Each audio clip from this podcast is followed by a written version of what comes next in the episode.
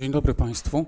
Nazywam się Adam Czarnecki. W imieniu Dyrekcji Instytutu i organizatorów witam Państwa bardzo serdecznie na e, drugim w tym roku akademickim seminarium Instytutu Rozwoju Wsi i Rolnictwa Polskiej Akademii Nauk. Nasze dzisiejsze spotkanie poświęcone jest zagadnieniu niezwykle istotnemu dla utrzymania żywotności wsi e, i rozwoju społeczności wiejskich, społeczności lokalnych, to jest doświadczeniom i perspektywom odnowy wsi w Polsce.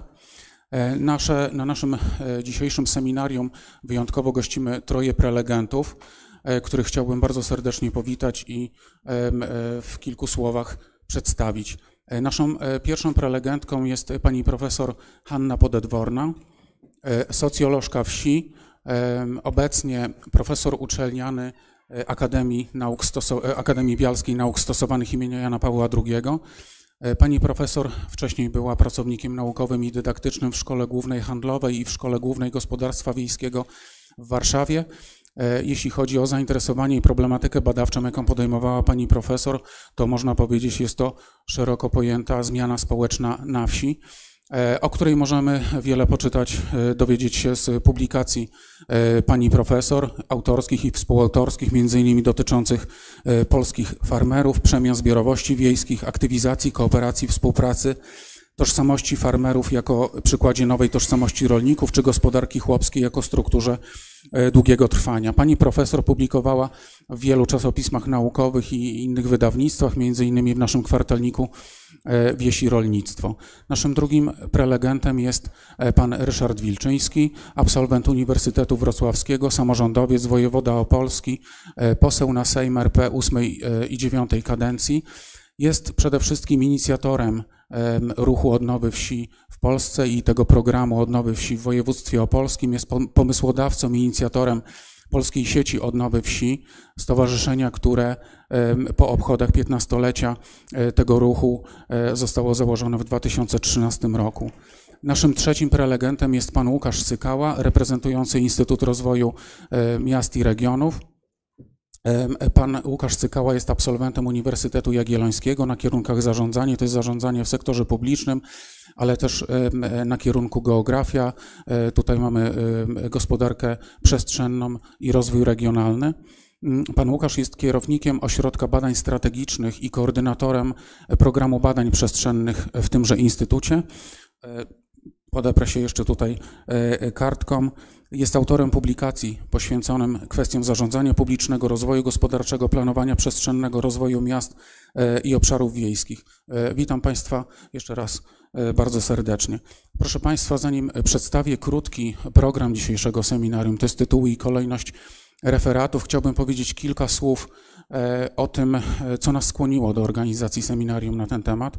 Otóż w ubiegłym roku e, miałem przyjemność wraz z panią profesor Marią Halamską i doktorem Ryszardem Wilczyńskim z naszego, e, e, Ryszardem Kamińskim, przepraszam, z naszego instytutu brać udział w zorganizowanej przez Urząd Marszałkowski Województwa Opolskiego konferencji z okazji 25-lecia ruchu odnowy wsi w Polsce. Tam poza oczywiście wymianą licznych różnorodnych doświadczeń realizowanych w ramach tego programu. Wielu prelegentów mówiło o wyzwaniach, ale też perspektywach e, odnowy wsi w Polsce. I to skłoniło nas, to jest pana posła Ryszarda Wilczyńskiego, w tych wstępnych rozmowach brał też udział Ryszard Kamiński, do tego, żeby taki um, numer tematyczny wydawanym przez nasz Instytut Kwartalników Wieś i Rolnictwo poświęcić właśnie temu zagadnieniu. To jest doświadczeniom, e, wyzwaniom i przyszłości e, odnowy wsi w Polsce można powiedzieć, prezentowanym z różnych perspektyw, głównie z perspektywy naukowej, ale też z perspektywy e, praktycznej. E, I rzeczywiście taki numer e, udało się stworzyć. Dosyć długo to trwało, bo prawie półtora roku, ale od kilku dni wszystkie teksty z tego numeru są dostępne na stronie internetowej kwartalnika. Co więcej, w imieniu redakcji kwartalnika muszę podkreślić, że wspólnie z dyrekcją podjęliśmy decyzję o tym, żeby wydrukować e, ponad 100 egzemplarzy e, tego numeru, tematycz, tego numeru tematycznego, pomimo tego, że już od ponad dwóch lat kwartalnik ukazuje się jedynie w wersji elektronicznej. Taką ważną, dodatkową przesłanką do tego druku tego, tego numeru był fakt, że jest to jednocześnie dwusetny numer wydawanego od 1972 roku bez przerw kwartalnika Wieś i Rolnictwa. I jak Państwo widzą, ta wersja papierowa jest również dostępna. Chciałbym dlatego podziękować w imieniu redakcji wszystkim autorkom, autorom artykułów do tego numeru, a wiele z tych osób jest tutaj dzisiaj na, obecnych na sali, osobom, które recenzowały te teksty i całej redakcji, kwartalnika dla, za całą pracę, wysiłek włożony w powstanie tego numeru. Bardzo Państwu dziękuję. Mm, co więcej, jak Państwo później zobaczą, ten numer e, e, tematyczny ma dosyć taką odbiegającą od standardów czy poprzednich e, numerów kwartalnika strukturę, właśnie ze względu na to, że jest to numer tematyczny, ale jest to jednocześnie numer dwusetny. Pierwsza część, można powiedzieć, w pewnym sensie celebruje 50 lat kwartalnika i ten wydanie tego dwusetnego numeru. Poza słowem wstępnym od redakcji i e, listem od zaprzyjaźnionego z naszym instytutem od wielu lat doktora Kifa Hała z Uniwersytetu w Exeter. E, znajdą tam Państwo dla nas, dla, dla redakcji kwartalnika bardzo ważny i naprawdę znakomity tekst recenzujący zawartość, wieloletnią zawartość merytoryczną kwartalnika, który był przygotowany przez profesora Józefa Zegara z Instytutu Ekonomiki Rolnictwa i Gospodarki Żywnościowej. Nie wiem, czy pan profesor jest dzisiaj z nami. Jeśli tak, to o jest, panie profesorze, bardzo panu dziękuję za, za ten bardzo dla nas, tak jak powiedziałem, e, istotny tekst. Więc w pewnym momencie, na pewnym etapie kompletowania tych tekstów pan e, poseł Ryszard Wilczyński zaproponował organizację konferencji czy seminarium na ten właśnie temat, jako taka naturalna konsekwencja tej publikacji. No i stąd właśnie nasze dzisiejsze spotkanie. Proszę Państwa, nie chciałbym już dłużej przedłuża, przedłużać i zabierać czasu naszym prelegentom. Czy mogę prosić o zmianę tego slajdu?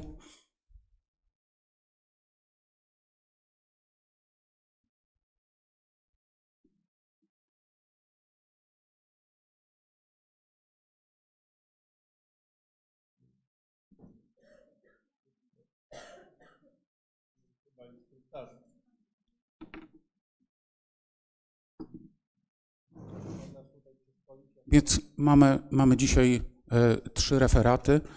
E, pierwszy referat.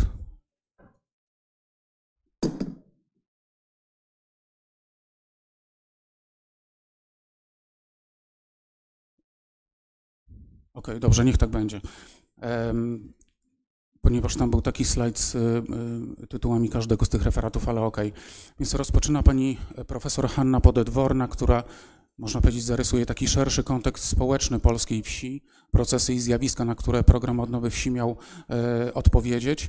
Następnie idee i praktyki związane z realizacją tego programu przedstawi e, pan poseł Ryszard Wilczyński e, i pewną taką oceną, ale też refleksjami związanymi z takim otoczeniem instytucjonalnym, politycznym na poziomie krajowym i regionalnym realizacji działań w ramach tego programu Odnowy Wsi przedstawi pan Łukasz Cykała.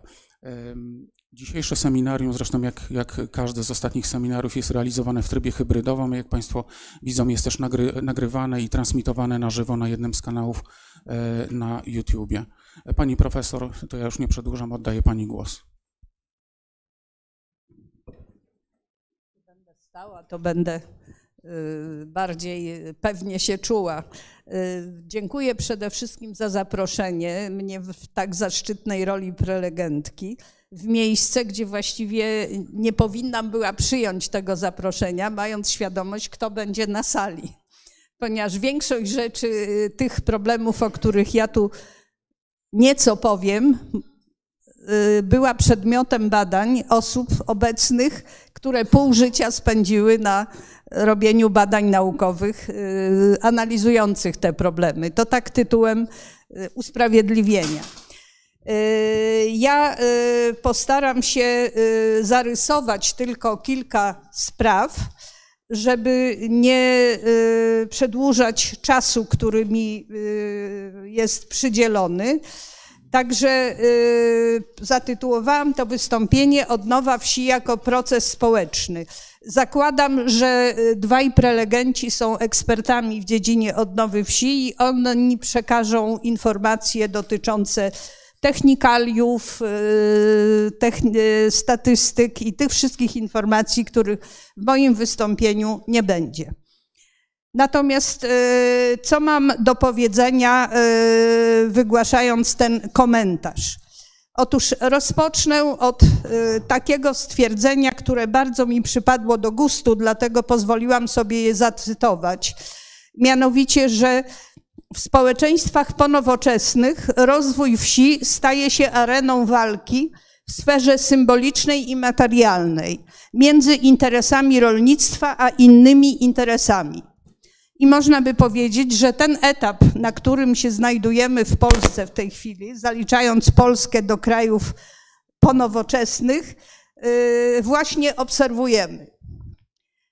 Yy, W społeczeństwach ponowoczesnych yy, procesy rozwoju wsi i rolnictwa nie są tożsame. To jest truizm. Każdy z yy, obecnych tu Państwa wie, że dawno to już zostało rozdzielone.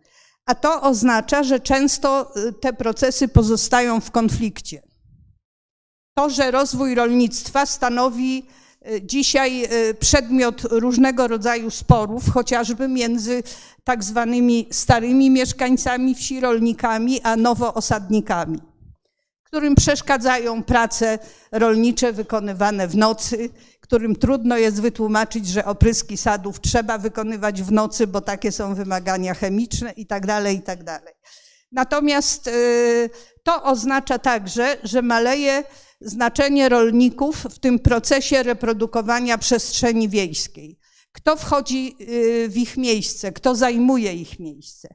Zajmują to miejsce przedsiębiorcy różnego rodzaju, nie tylko związani z rolnictwem przedstawiciele globalnego kapitału, często tak można by powiedzieć, działacze ekologiczni, y, obrońcy praw zwierząt, politycy i różnego rodzaju eksperci, ponieważ no, ekspertyzy są także pewnym produktem, który jest potrzebny do działania na tym rynku yy, yy, rozwoju, projektów rozwojowych. Mówiąc o rozwoju wsi, Y, Chciałabym wymienić dwie konkurencyjne narracje, które na temat tych procesów rozwoju zostały sformułowane. Narracja produktywistyczna, która dominowała w społeczeństwach przemysłowych. Ona stanowiła treść procesu modernizacji wsi i rolnictwa i w zasadzie uzasadniała inwestowanie w rozwój wsi, ale utożsamiany z rozwojem rolnictwa. I narracja, ja ją tak sama nazwałam, ochronna i konserwatorska, czyli ta narracja, która dominuje w społeczeństwach poprzemysłowych, której jesteśmy świadkami w Polsce także obecnie, która to narracja stanowi treść programów odnowy i rewitalizacji wsi, o których usłyszymy w następnych y, wystąpieniach. Yy, Co można więcej powiedzieć o tej narracji ochronnej, czyli tej narracji współczesnej, dzisiejszej? Przede wszystkim yy, w jej ramach nastąpiło nasycenie dyskursu na temat rozwoju wsi zagadnieniami ekologicznymi, yy, zmianami klimatu, dobrostanem zwierząt, tym wszystkim, o czym piszą, czytają osoby zainteresowane sprawami wsi. A to wszystko niesie ze sobą jasno formułowane postulaty ściślejszej kontroli społecznej praktyk rolniczych. To znaczy, reszta społeczeństwa jak gdyby domaga się poddania działalności rolniczej ściślejszej kontroli, ażeby y, ta działalność nie szkodziła środowisku, żeby spełniała pewne wymogi, y, także sformułowane w różnych y, prawach unijnych. Także wszystkie te praktyki, które powodują negatywne skutki dla środowiska naturalnego, są albo ograniczane, albo jawnie akcje protestacyjne domagają się ich zaprzestania, zaniechania. No, jako przykłady takie znane wszystkim Państwu można wymienić dobrostan zwierząt w intensywnej hodowli, ubój rytualny dla celów komercyjnych, czy hodowlę zwierząt futerkowych. Proszę Państwa, zmiany na wsi dokonują się nie tylko albo nie w wyniku zmiany narracji, yy, ale w wyniku różnych przemian, które obserwujemy i procesów społecznych w realnej przestrzeni wiejskiej. Yy, Co można w tej realnej przestrzeni wiejskiej zaobserwować i co zostało opisane, wyjaśnione w różnych pracach, yy, których autorzy siedzą na sali? Po pierwsze, pojawia się, rozwija się nowa gospodarka wiejska. Na czym ona polega? W miejsce produkcji materialnej kształtuje się gospodarka doznań i emocji.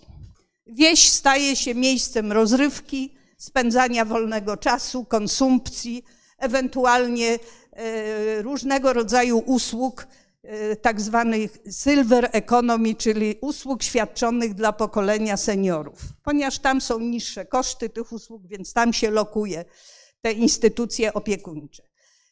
E, Druga zmiana e, obserwowana w przestrzeni wiejskiej, której pani profesor Halamska poświęciła wiele ze swoich prac ostatnich, e, to jest różnicowanie się mieszkańców wsi w wymiarze struktury zawodowej. To oznacza, że e, mieszkańcy wsi nie żyją z rolnictwa, a nawet jak w ostatnim raporcie IRWIR-u stwierdził ten, tego e, o stanie wsi, napisał profesor Wilkin, e, nieżyjący już, rolnictwo nie jest głównym miejscem pracy dla mieszkańców wsi. To rodzi doniosłe konsekwencje w wymiarze społecznym. E, Po trzecie, obserwujemy proces komercjalizacji zasobów i dziedzictwa kulturowego wsi. I tu chciałabym e, chwilę się zatrzymać, ponieważ e, wpadł mi w ręce bardzo wymowny przykład, proszę Państwa, owej komercjalizacji. Otóż Dom Kultury w Pruszkowie, który jest położony niedaleko Warszawy, ogłosił nabór na warsztaty kiszenia kapusty. To miało miejsce w październiku. Wstęp 200 zł. Kilogram kapusty kosztuje na bazarze w Warszawie 10 zł. Więc przeliczając to wszystko, to za ten wstęp można by y, mieć kapustę mniej więcej na cały sezon zimowy. Y, Miejsca zostały wyprzedane w przeciągu tam jednego weekendu. Więc chętnych było bardzo wiele. No, mój syn, który potrafi, postanowił się zabawić, znalazł warsztat kiszenia kimchi. To jest dziedzictwo kultury koreańskiej, gdzie wstęp na taki warsztat wynosił tylko 20 zł. Więc był 10 razy tańszy. Ale to tak tytułem rozśmieszenia państwa. Jak ta komercjalizacja przebiega, to y, możemy też obserwować. Y, Obserwowaliśmy to obficie w kampanii wyborczej, ponieważ y, y, to tło wystąpień polityków w terenie zawsze stanowiły gospodynie w strojach ludowych. Ja nie sądzę, że na wsi w Polsce jest tyle strojów ludowych. Podejrzewam, że jakaś wypożyczalnia jechała za tymi gośćmi. Tak, tak, no ale to już było, minęło. Jeszcze jedna zmiana obserwowana w realnej przestrzeni wiejskiej to jest tak zwana kolonizacja wsi przez kapitał globalny. Tu drastyczne przykłady opisywane w mediach. e, Legalne i nielegalne składowiska śmieci, zarówno polskich, jak zagranicznych, są przykładem takiej kolonizacji. Proszę? E, Centra logistyczne też, no ale to powiedzmy, centra logistyczne tworzą miejsca pracy, E, więc jakiś pożytek z nich jest. I rozwój społeczeństwa informacyjnego. To nie oznacza, że on jest najmniej ważny, ja go wymieniłam na końcu, e, ale ten rozwój społeczeństwa informacyjnego opisywany między innymi przez profesora Andrzeja Kaletę stanowi taką doniosłą zmianę, która w pewnym sensie unieważnia pewne przewidywania odnośnie tego, co na wsi się wydarzy. COVID przyspieszył jeszcze tę informatyzację. I teraz, proszę Państwa, jakie procesy społeczne zachodzą na wsi, w tej przestrzeni realnej? Ja je wymieniłam w porządku alfabetycznym, żeby nie y, sugerować, że któryś jest ważniejszy lub mniej ważny. Każdy z Państwa może sobie inny porządek ustalić. Y, Proces depopulacji wsi peryferyjnych, czy generalnie procesy demograficzne różnego rodzaju. To jest nie tylko depopulacja, ale także starzenie się ludności, co rodzi doniosłe konsekwencje dla funkcjonowania wsi jako jednostki osadniczej. Proces dezagraryzacji przestrzeni wiejskiej to najlepiej chyba znany i opisany. Yy, oznacza nie tylko wycofywanie się rolnictwa z gospodarki wsi, ale także yy, urządzanie wsi, powiedziałabym, yy, w inny sposób niż produkcja rolnicza. Właśnie te centra logistyczne czy różnego rodzaju inwestycje, które wymagają dużej przestrzeni, które tam się pojawiają, to są między innymi przykłady. No, dezagraryzacja powoduje także te zmiany struktury społecznej w wymiarze zawodowym. Y, Proces europeizacji. Y, Proszę Państwa, to nie chodzi tylko o y, dopłaty bezpośrednie, środki finansowe, które płyną na wieś, ale także o pewne zmiany społeczne w sferze obyczajowej, w sferze kultury, które są skutkiem migracji zagranicznych także. Ludzie, którzy jeżdżą tam i tu, przywożą ze sobą inne wzorce zachowań i te wzorce powoli są kultywowane. One się wtapiają jakoś w tę rzeczywistość wiejską. No, proces gentryfikacji opisany tu przez panią doktor. Yy, Proces globalizacji opisany przez profesora Gorlacha. Yy, Proces komercjalizacji zasobów wsi. Ja uważam, że o tym napisano najmniej a on jest bardzo ważny. To znaczy to, co się komercjalizuje, co jest przedmiotem tych wymian rynkowych różnych, w czyje ręce te zyski z tego jakby trafiają. E, Proces laicyzacji. Nie tylko miasta się w Polsce laicyzują, wszelkie badania nad praktykami religijnymi dowodzą radykalny spadek uczestnictwa w praktykach religijnych. Dotyczy to także wsi. Stopień jest trochę mniejszy, ale tam zjawisko też występuje. Procesy marginalizacji różnego rodzaju. Y, No w tej chwili mówi się bardzo dużo o wykluczeniu transportowym. To jest te, także przykład marginalizacji mieszkańców wsi. W mediach, prawda, dziennikarze podają, do jakiej liczby miast w Polsce nie można dojechać komunikacją publiczną, a wsi to będzie kilkaset. Yy, Proces modernizacji, który w tych wszystkich tekstach na temat odnowy wsi trochę występuje jako chłopiec do bicia. Ja nie bardzo wiem dlaczego, bo nie sądzę, że proces modernizacji powoduje tylko negatywne skutki. Yy, Bez niego nie byłoby pewnych zmian cywilizacyjnych yy, i to, że one zaszły, dokonały się, to radykalnie poprawia jakość życia mieszkańców wsi. No i wreszcie dla socjologa nie, niezwykle ważny, chociaż wymieniam go na końcu, proces, procesy różnicowania w wymiarze gospodarczym, społecznym i kulturowym. Sam proces różnicowania struktur społecznych y, powoduje, że te struktury stają się coraz bardziej złożone i to samo dotyczy wsi. My ciągle operujemy takim wyidealizowaną wizją społeczności lokalnej, zamkniętej, odizolowanej, homogenicznej itd., itd. To dawno już jest iluzja. Dzisiejsze społeczności wiejskie różnicują się w każdym możliwym wymiarze, który socjologa może interesować, łącznie z wymiarem religijnym, ponieważ znajdą Państwo takie miejscowości, gdzie będą przedstawiciele innych wyznań wcześniej w Polsce niewystępujących. I tyle na temat procesów, które stanowią pewien kontekst przemian. Yy, Tak się złożyło, że wpadła mi w ręce książka wydana przez Irwir Pan w roku 1992. Proszę zauważyć, to jest 31 lat i z tej książki jeden, jedno zdanie ze wstępu pani profesor Marii Wieruszewskiej pozwolę sobie zacytować.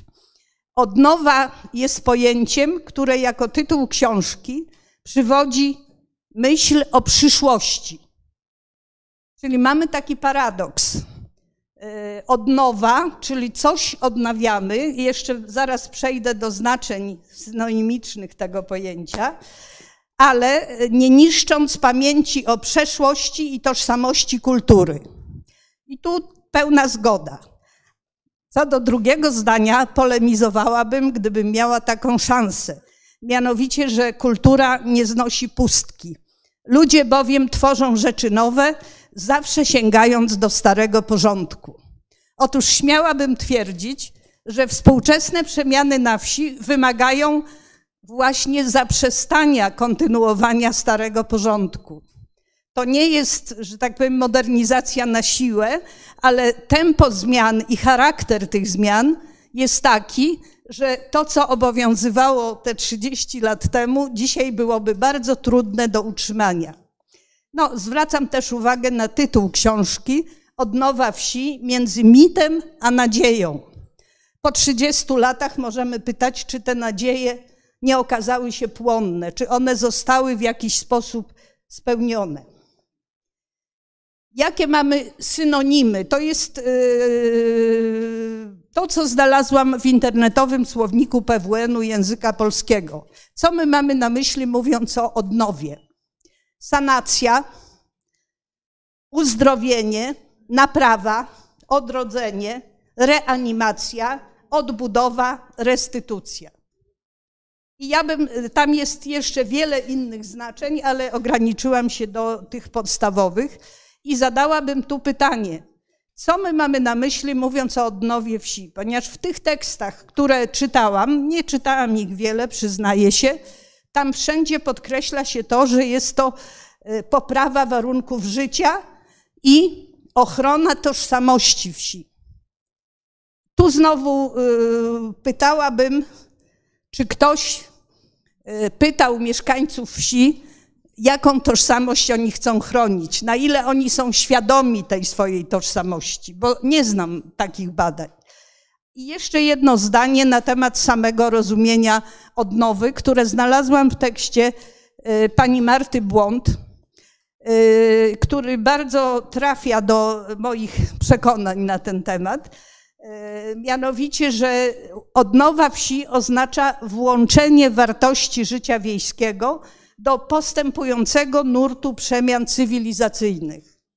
Powinnam to włączenie zapisać na czerwono, ponieważ chodzi o to, żeby jakby nie chronić za wszelką cenę wszystkiego, bo nie wszystko jakby zasługuje na tę ochronę, ale że musi to być jakiś wybór z czegoś wynikający.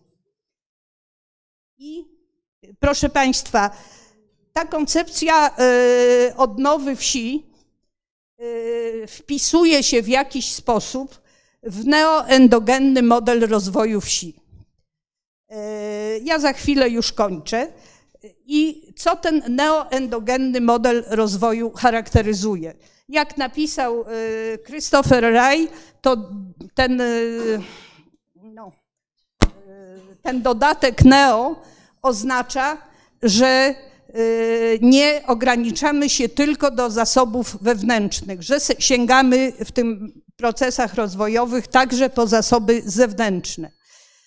Więc animacja działań rozwojowych, która zachodzi oddolnie, wykorzystanie zasobów lokalnych i ponadlokalnych, y, podejście terytorialne, no to każdy z Państwa wie, i tu bym zaznaczyła, że operowanie pojęciem społeczność lokalna tych wszystkich tekstach, które dotyczą odnowy wsi, jest y, trudne do obrony, ponieważ powinno się używać terminu społeczność terytorialna, zgodnie z założeniami tego modelu neoendogennego. Terytorium oznacza trochę coś innego niż lokalność.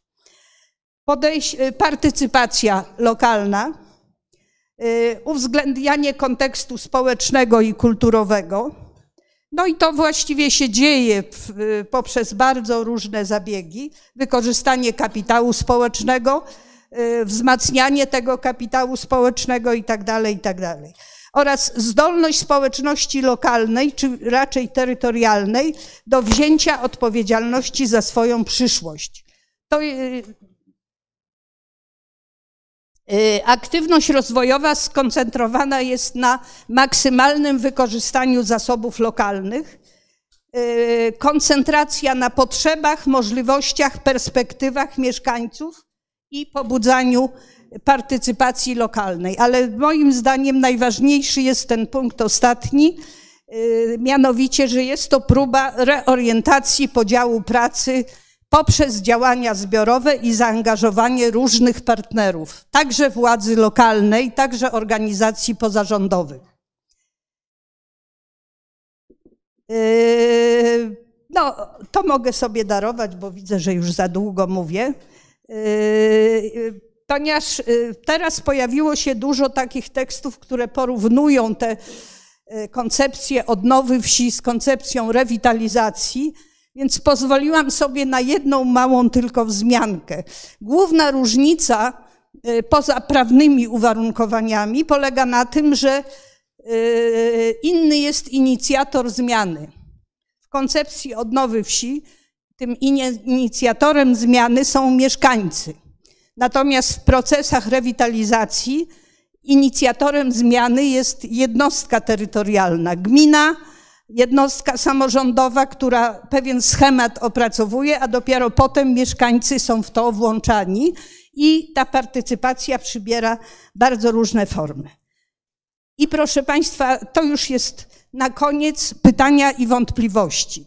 Mam e, nadzieję, że tak liczne audytorium e, będzie chciało wypowiedzieć się w dyskusji. Mianowicie e, pytania, pytanie pierwsze dotyczy tego, bo ja też nigdzie nie widzę w tych tekstach rozróżnienia na społeczności słabe i silne, które jest podstawową sprawą.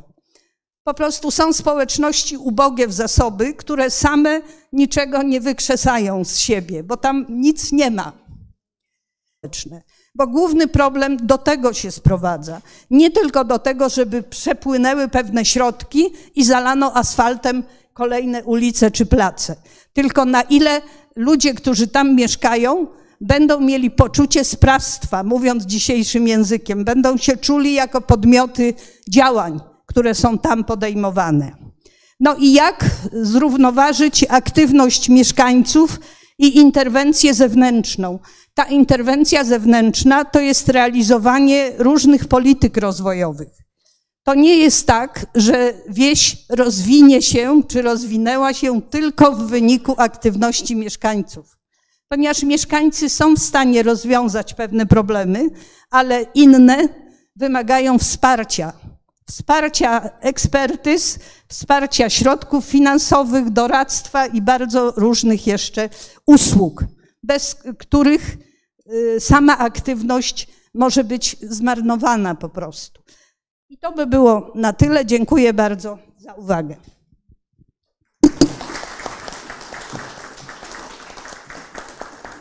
E, Bardzo dziękuję pani profesor za te refleksje, za, za ten e, komentarz i nakreślenie sytuacji e, wśród społeczności wiejskich.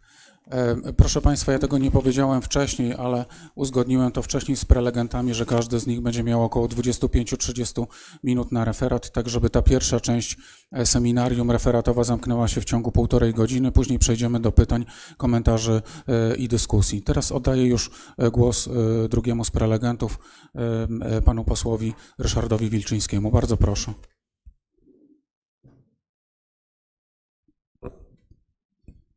Dzień dobry Państwu. Bardzo się cieszę, że mogę być tutaj w tym miejscu i mówić, zdać sprawozdanie w zasadzie, bo ta relacja będzie bardzo odautorska na temat tego, co zdarzyło się przez 25, a w zasadzie już 6 lat ostatnich, jeżeli chodzi o odnowę wsi. Odnowę, która była takim podejściem, można powiedzieć, znaczącym w rozwoju obszarów wiejskich. Tu się coś tam włącza, to nie jest moja wina. Ja będę starał się panować nad tym urządzeniem, co niekoniecznie musi się udać. Bardzo dziękuję IRWIR-owi, Instytutowi Rozwoju Wsi i Rolnictwa za to, że jak zawsze był z tym tematem, bo to już jest y, nastoletnia, a może więcej tradycja, że Państwo z tym tematem odnowią wsi wsi jesteście.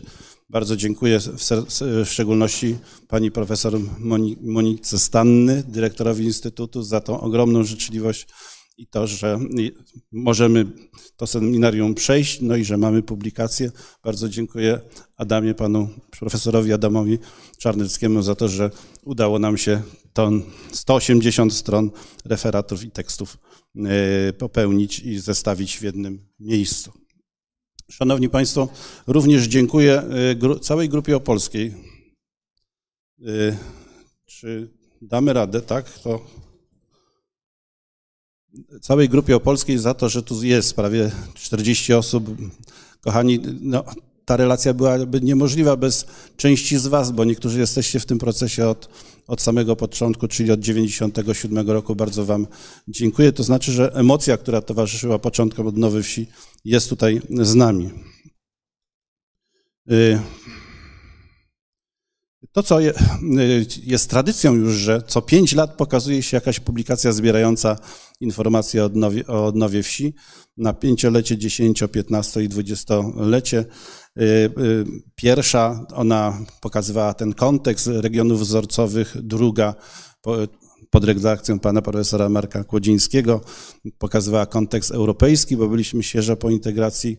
Kolejna mówiła o przestrzeni ludziach, zasobach, ostatnia jest dziełem środowiska, środowiska krakowsko-łódzkiego, które było zainspirowane projektem tworzenia sieci najciekawszych wsi i stąd to powstało. Nie wiem, jak usunąć ten batan u dołu. Może ktoś mi powie, jak to zrobić. Tak. Ta prezentacja zresztą była pomyślana mm, do tego, żeby ją pokazać na dużym ekranie. Mamy ekran mały, w związku z powyższym będzie trzeba mówić obrazowo i z góry zastrzegam, że będę mówił, jaką mamy szansę, bo to naprawdę będzie, nie dość, że mały ekran, to jeszcze będzie nam przeszkadzać cały czas. Wrócę do tej emocji 97 roku. To pojęcie odnowy wsi było naprawdę nowe. Y, nikt go nie używał. Dorfneuerung, szczególnie na, y, na Opolszczyźnie, gdzie ludzie też, to jak to mówią, u unkla y, to widzieli, było po prostu inspirujące. Pojawiła się społeczna emocja.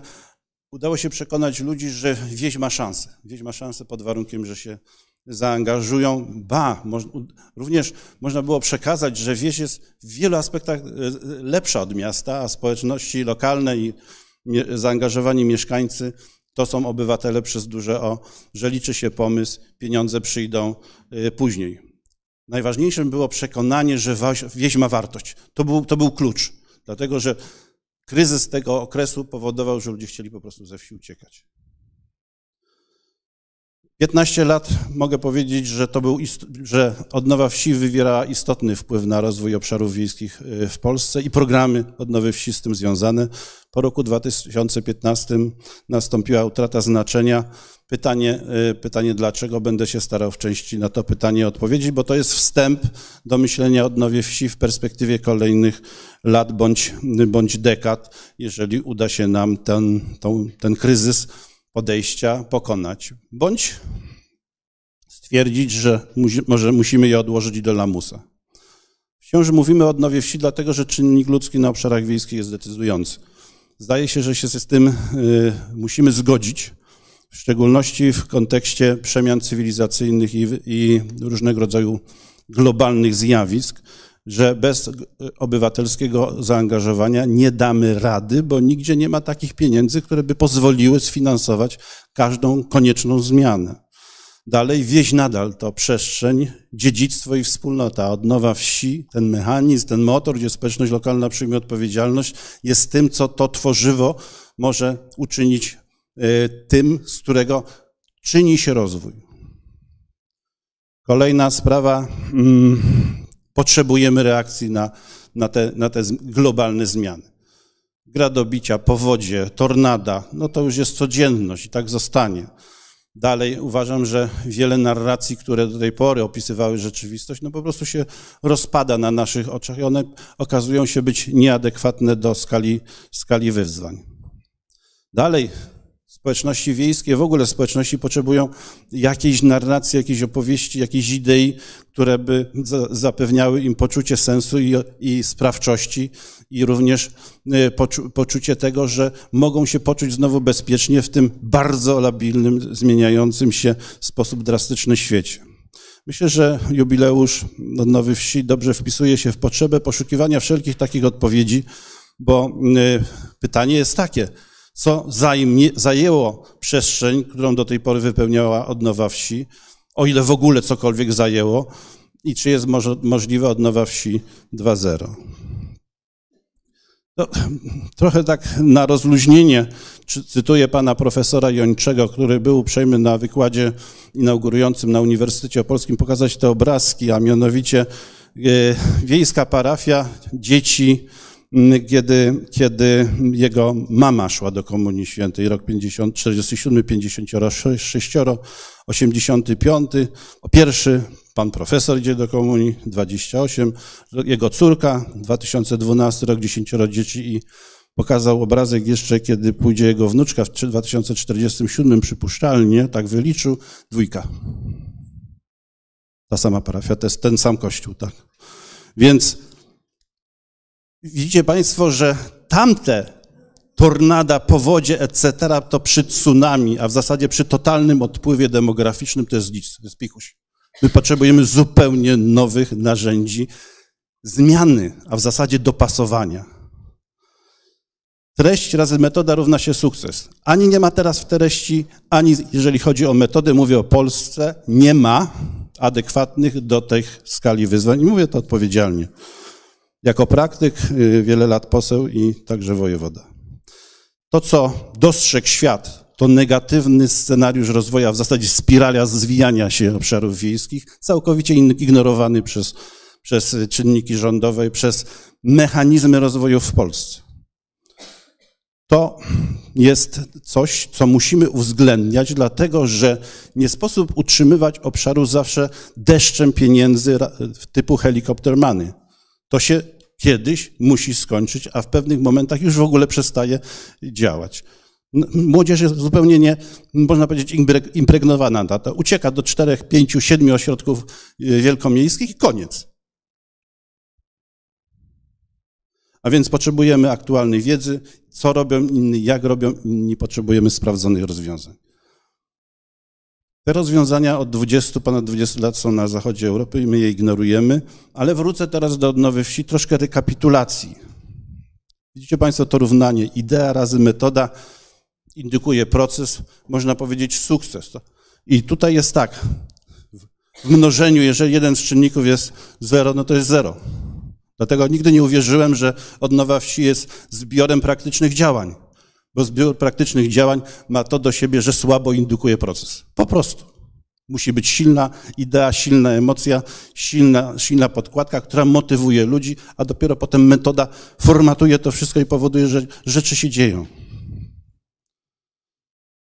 Paradygmat odnowy wsi. Wieś ma zostać sobą. Pani profesor Halamska bardzo lapidarnie to ujęła w Gogolinie. Wieś ma produkować wiejskość. Po prostu.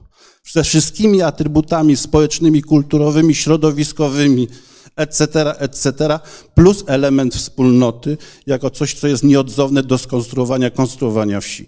I jeżeli ktoś uważa, że nie ma wspólnoty, niech idzie na dożynki wiejskie i zobaczy korowody dożynkowe korowody na tych platformach, jak ludzie jadą, te ustrojone wsie, dom za domem, ten street art. Jest wspólnota, ona się tylko zmieniła. Ona cały czas potrzebuje ekspresji, cały czas jest żywa pod warunkiem, że damy jej pole do zagospodarowania. A więc jeżeli umiastowienie, unifikacja odbierze szansę, żeby wieś konkurowała z miastem, bo może konkurować wyłącznie zestawem swoich odrębnych w stosunku do miasta walorów. Motorem zmian oczywiście społeczność wiejska. Metoda. 98 rok budujemy sowieckie strategie. To był fenomen. Nikt tego nie robił. To się upowszechniło jako standard krajowy.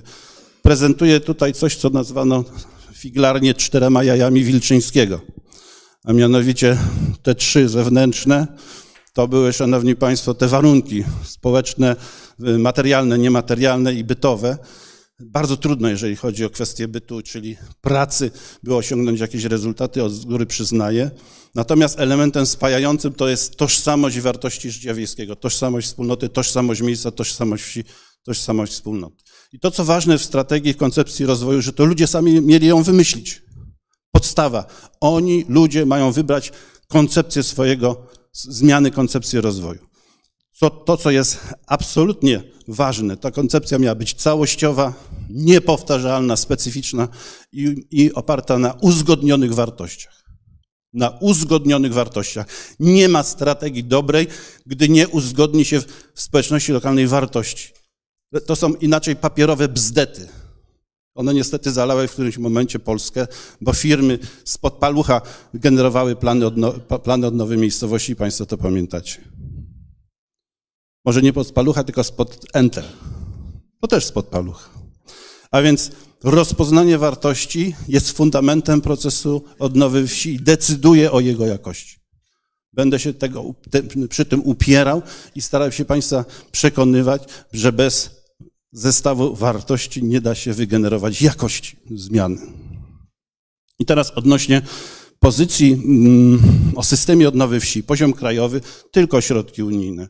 Województwa samorządowe, środki własne, poziom lokalny, sołectwo, gmina, ale poziom regionalny docierał bezpośrednio do sołectwa. Gmina pomagała. Nie poprzez gminę, ale bezpośrednio przy pomocy gminy. Tu były angażowane środki z jednej strony i z drugiej strony, tu animacja, tu pomoc w animowaniu procesu. Potem dołączyły się środki unijne w postaci dotacji, gdzie gmina miała zapewnić swój udział. Oczywiście efekty to miały być, miały być wzmocnione zasoby, nowe potencjały rozwojowe wsi. Wszystko to miało, miało i generowało proces rozwojowy, bo jednym z wyników odnowy wsi jest przede wszystkim proces że się to dzieją zmiany. Tak, ktoś mówi, już droga jest celem, to tutaj celem był proces, że ludzie układają sobie koncepcję zmian i tę zmianę. Projektują sami. Teraz muszę odwołać się do regionów wzorcowych, Dolnej Austrii, Nadrenii Palatinatu, Bawarii i innych landów. Środki w stosunku do Polski razy 100. Razy 100. Więc my nie mogliśmy robić czegoś takiego, że my sobie selekcjonujemy, wybieramy dziedziny wsparcia, tyle na prywatne, tyle na publiczne, a tyle w ogóle na milionów euro Deutsche Mark czy szylingów na wieś.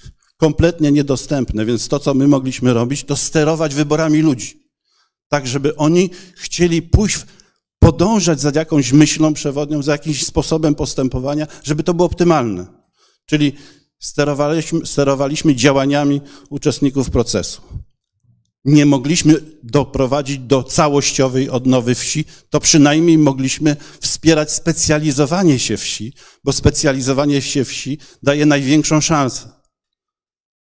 A więc specjalizacja była tym, co docelowo było możliwe w ramach polskiej odnowy wsi, o polskiej odnowy wsi, natomiast całościowa odnowa wsi, rozumiana na zachodzie Europy jak rewitalizacja, tam nikt tego nie rozdziela, Cały czas odnowa wsi jest wbudowana, cały zestaw działań. Nie ma tutaj jakichś szczególnych niuansów, nie będę w to wchodził, nie mamy czasu. Całościowa odnowa wsi zawsze była niedostępna w Polsce. Zawsze i nadal jest niedostępna.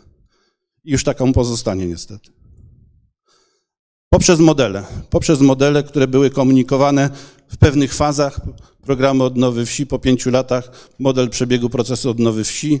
Chodziło o ukierunkowanie, otwarcie na otoczenie, specjalizację i wyróżnianie się. Po dziesięciu latach akcja Wieś Przyszłości chodzi o to, że skoro pojawiły się unijne środki, to wykorzystajmy je efektywnie. Nie na wszystko, tylko na to, co buduje precyzyjnie poszczególne potencjały rozwojowe a więc wzmocnienie potencjałów. Po roku 2000, po 15-leciu planowaliśmy, planowałem, że przejdziemy na pewne elementy związane z wyzwaniami, typ, na przykład demograficznymi, na przykład kulturowymi, zachowaniem dziedzictwa, plus pustostanami, ale to się już nie udało za bardzo. To profilowanie rozwoju wsie, de, wyzwań demograficznych, wsie dziedzictwa i tak dalej, to już się nie udało. A więc troszkę o tym pierwszym etapie, gdzie chodzi o pokonanie barier, zaspokojenie aspiracji społeczności lokalnej. Nawet Państwo nie zdajecie sobie sprawy, chociaż uczestnicy Zapolskiego wiedzą, jak ważne było zrobić projekt, którego do tej pory nikt nigdy nie zrobił. Pierwsze dożynki. Na przykład powiatowe. No to przeszaleństwo. To, to były wyzwania, które zaspokajały ludzkie aspiracje, bo zawsze marzyli o tym, żeby zrobić coś więcej niż do tej pory. Coś, co po prostu zaskoczy całe otoczenie. Więc mówię o tym, że ta jakościowa zmiana dokonywała się niemalże w oczach. Była taka wieś Pilcz. Kom- Z dwóch ciągów ulic się składała. Zarosła tak, że jedna część wsi nie widziała drugiej części wsi. Miało się wrażenie, że są dwie odrębne wsie. Dziesiątki ruin, które, przepraszam, rozgruzowali i wywieźli. Oczywiście, można powiedzieć, dzisiaj konserwator zabytków sk- złapałby się za głowę, no ale jak zawsze był nieobecny. A więc y, projekty startu, pro- projekty pokonywania zmian, y, pokonywania barier, gdzie ta zmiana była widoczna w oczach. To się działo. Ludzie widzieli, to, że nie było, jest. Nie było, znowu jest. A więc ta pełna satysfakcja, możliwość kreacji, to było to, co porywało ludzi. Stan wyjściowy był tak fatalny, że zrobienie czegokolwiek zrobimy, to prawie tego nie widać, bo przecież wszystko jest. Drugi etap. Skoro pokonaliśmy bariery, specjalizujmy się. Generujmy produkty wsi. Wieś może przyjąć ten wyróżniający koncept i skoro tak zaistnieje w świadomości, staje się ważna dla gminy. Jak stanie się ważna, to na tym trzecim etapie może absorbować miliony. I rzeczywiście tak się działo. Wsie absorbowały miliony, bo stały się ważne w strategii, stały się rozpoznawalne w regionie. Długo ten motor działał. Projekty startowe pokonywania barier, tak oczywiste, że nie ma co w ogóle o tym mówić, ale skala zmiany, dopóki się nie porówna tego, co było, a co jest, jest trudna nieraz do ogarnięcia. Etap drugi, projekty wyróżniające. Turniej piłki prądowej, nie będę tłumaczył, Złota Kosa, tur, turniej drwali, turniej sikawek kornych, turniej e, wyścigów drezyn na torach równoległych i tak dalej, i tak dalej. Projekty przełamujące, nie wszystkie mogą powstać w procesie odnowy wsi, bo są wielkie. Nieraz są wielkie. Kamień Śląski, gdyby nie odnowiono sanktuarium, gdyby nie zbudowano e, sanatorium Sebastianeum Silesiacum w strukturze dawnego folwarku, gdyby nie przekształcono Centrum Odnowy Wsi i to już od nowa, to Kamień Śląski nie byłby wiejskim kurortem. To jest przykład dokonania się totalnej zmiany. Ze wsi, gdzie wojska radzieckie stacjonowały, ze wsi pegerowskiej na kurort wiejski. No I teraz tak, budowanie na wartościach, na wyróżnikach, najbardziej efektywny sposób zmiany. To odwołuje się tutaj do tego, co mówiła pani profesor, do gospodarki opartej na wiedzy i emocjach.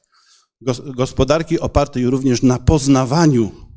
Do tego zapominamy, że wieś jest nośnikiem ogromnej ilości treści, które możemy poznawać i wiedzy, którą możemy akumulować. Pierwsze pro- projekty, które zmieniają wizerunek, właśnie te projekty pierwszego etapu. Z tej zapuszczonej wsi nagle się okazywało, że to jest wieś, która przoduje. Na bazie wizerunku najłatwiej, a potem kreujmy temat, kreujmy, kreujmy opowieść, opowieść o wsi.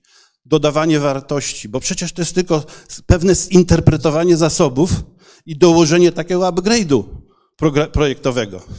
Czasami zagrody, która niby konsumuje cały temat wsi. Czasami to są większe projekty, ale jeżeli chodzi o wsie, wsie najciekawsze, to chodziło tutaj o całą przestrzeń i zespół y, krakowsko-łódzki wie, że działaliśmy w wymiarze dużej przestrzeni wiejskiej, szukając tam y, tej opowieści o wsi, która, która mm, najbardziej po prostu będzie odpowiadać jej walorom po to, żeby zakomunikować je społeczeństwu i budować na tym produkty wsi.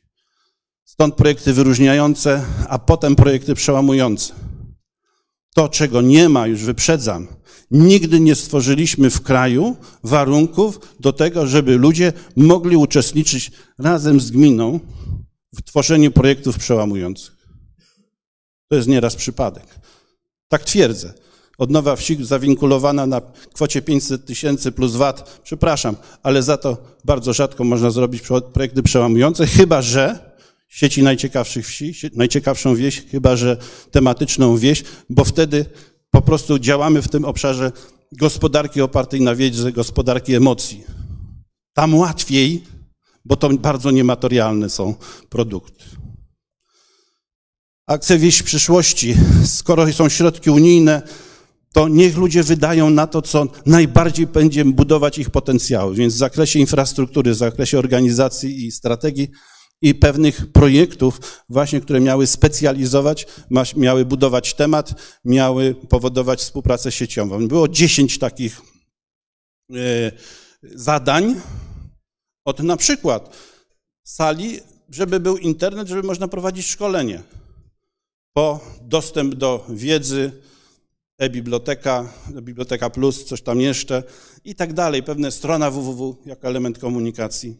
A więc, szanowni państwo, jeżeli to będziecie robić, najlepiej wydacie pieniądze, osiągnięcie najwyższy postęp. Również to pozwalało nam zbadać, które wsie są liderami projekt, programu, które są zaawansowane w tym procesie. Ustalono pewne wskaźniki, okazało się, że tym, tych zaawansowanych i liderów było tak mniej więcej 12-14% w roku 2013-2014, co oznacza, że jednak przy swojej masowości program był dość elitarny. To znaczy nie udało się doprowadzić do sytuacji, gdzie w szy- szybkim czasie osiąga się trzy- 30, 40, 50% sołec z takim wyposażeniem w zakresie infrastruktury, organizacji i projektów, żeby można powiedzieć o zaawansowaniu procesów. To był problem zawsze o Polskiego Programu Odnowy Wsi. Trzeba by było pomnożyć pieniądze razy 10 do 50. To się nie stało nigdy. Zawsze opolski program był bo- ubogi.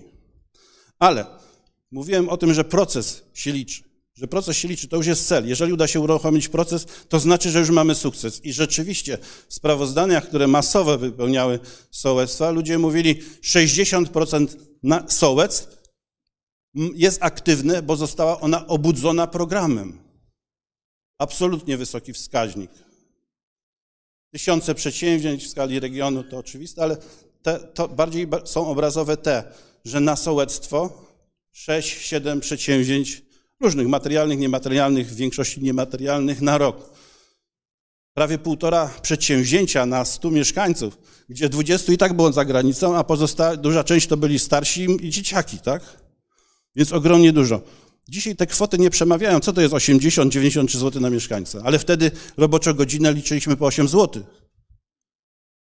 Czyli każdy statystycznie, kiwa, kiwacie Państwo głową, bo pamiętacie, każdy dniówkę dał.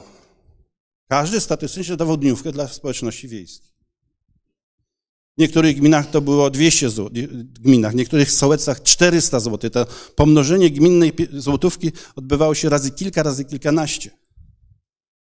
Dzisiaj nikt tak nie liczy. Jeżeli chodzi o wyposażenie wsi, pokażę fragment badań, których nigdy nie udało mi się opublikować, ale to było duże badanie, gdzie y, ustaliłem 134 elementy wyposażenia wsi w roku wtedy, 2015, dzisiaj jest na pewno więcej. Ale są takie, które są elementarne, bez których po prostu nie da się żyć i są takie, które mają standard miejski. Te elementarne są, ta, są tego typu, że i tak trzeba zawsze do, jechać do wsi węzłowej, bo inaczej się nie przeżyje. Te podstawowe to są takie, że nie codziennie do tej wsi węzłowej musimy jechać. Te ponadpodstawowe są takie, że wieś praktycznie jest samodzielna, raz na jakiś czas, do urzędu i tak dalej. Ale mamy w zasadzie wszystko, tak jak w miasteczku. I proszę zwrócić uwagę, wsie, które miały status zaawansowanego uczestnika lidera, biją na głowę w tym wyposażeniu e, wsie porównawcze. Jeszcze tam wchodziłem w autochtoniczne, nieautochtoniczne, żeby była, była, e, było, było wiadomo. Różnica jest dziesiątków procent, jeżeli chodzi o te elementy wyposażenia. To samo dotyczyło potencjałów rozwojowych, definiowanych, no taka checklista od y, tego, czy są organizacje pozarządowe poza OSP, są stowarzyszenia, czy uczestniczą w LGD, w LGR-ach, czy jest fundusz sołecki, czy mają mienie komunalne w zarządzie, czy jest strategia, czy wio- wiodący cykliczny projekt, czy specjalizacja wsi i tak dalej, hasło promocyjne, lokalny publikator, folder, promocja prowadzona poza terenem gminy, udział w sieciach. 15 takich potencjałów rozwojowych. I w tym samym czasie proszę zwrócić uwagę, różnice są drastyczne pomiędzy tym, co z tego zestawu, z tej checklisty miały sołectwa za, o, o zaawansowanym procesie odnowy wsi w stosunku do tych, które w tym procesie w ogóle nie uczestniczyły. To były różnice drastyczne. Na rok 2015 dawało się to ustalić, teraz by było bardzo trudno po tym gigantycznym zawaleniu wsi pieniędzmi różnego typu, gdzie te różnice są coraz bardziej są nieczytelne. Tak jak mówię, społeczności wiejskie nie są w stanie wykazać, że zrobiły coś naprawdę spektakularnego, bo zawsze mają albo mały fundusz sołecki, albo małe pieniądze, albo po prostu coś dokładają, jakąś cegiełkę. To już nie budzi takiej emocji, gdy robiliśmy i działo się w oczach. Co zrobiliśmy, było widać. A więc patrzę, jak nieubaganie ucieka czas, więc będę się spieszył. OPOW, Opolski Program Odnowy Wsi, był krajowym wzorcem. Nie ulega wątpliwości, że standard opracowania sołeckich strategii, że pójście z tymi strategiami jeszcze na etapie SPO po wielu regionach, podlaskie, świętokrzyskie, podkarpackie, śląskie, lubuskie, ukształtowani czy wy nauczeni metodyki moderatorzy robili tam strategie. Dziś te strategie są standardem kilku programów regionalnych, które istnieją, Dolnośląskiego, Wielkopolskiego na przykład. Dalej, były nawet woj- powiatowe programy odnowy wsi. Ryśku, kłaniam się, na kielski program odnowy wsi. Też robiliście strategię przecież. Więc mm, były kongresy odnowy wsi. Zaczęło się dziać źle w momencie, kiedy Wielkopolska w 2011 roku odmówiła zrobienia ogólnopolskiego kongresu odnowy wsi. To był pierwszy sygnał, że coś się dzieje nie tak. Bo mieliśmy co dwa lata europejskie, polskie kongresy odnowy wsi, w tym europejski w 2007, który był jednym z największych wydarzeń na obszarach wiejskich ever. Poważnie, z 14 regionów po autobusie, kilkadziesiąt wsi, przez które przejechali ludzie. I w każdej wsi mieli ludzie coś do obejrzenia.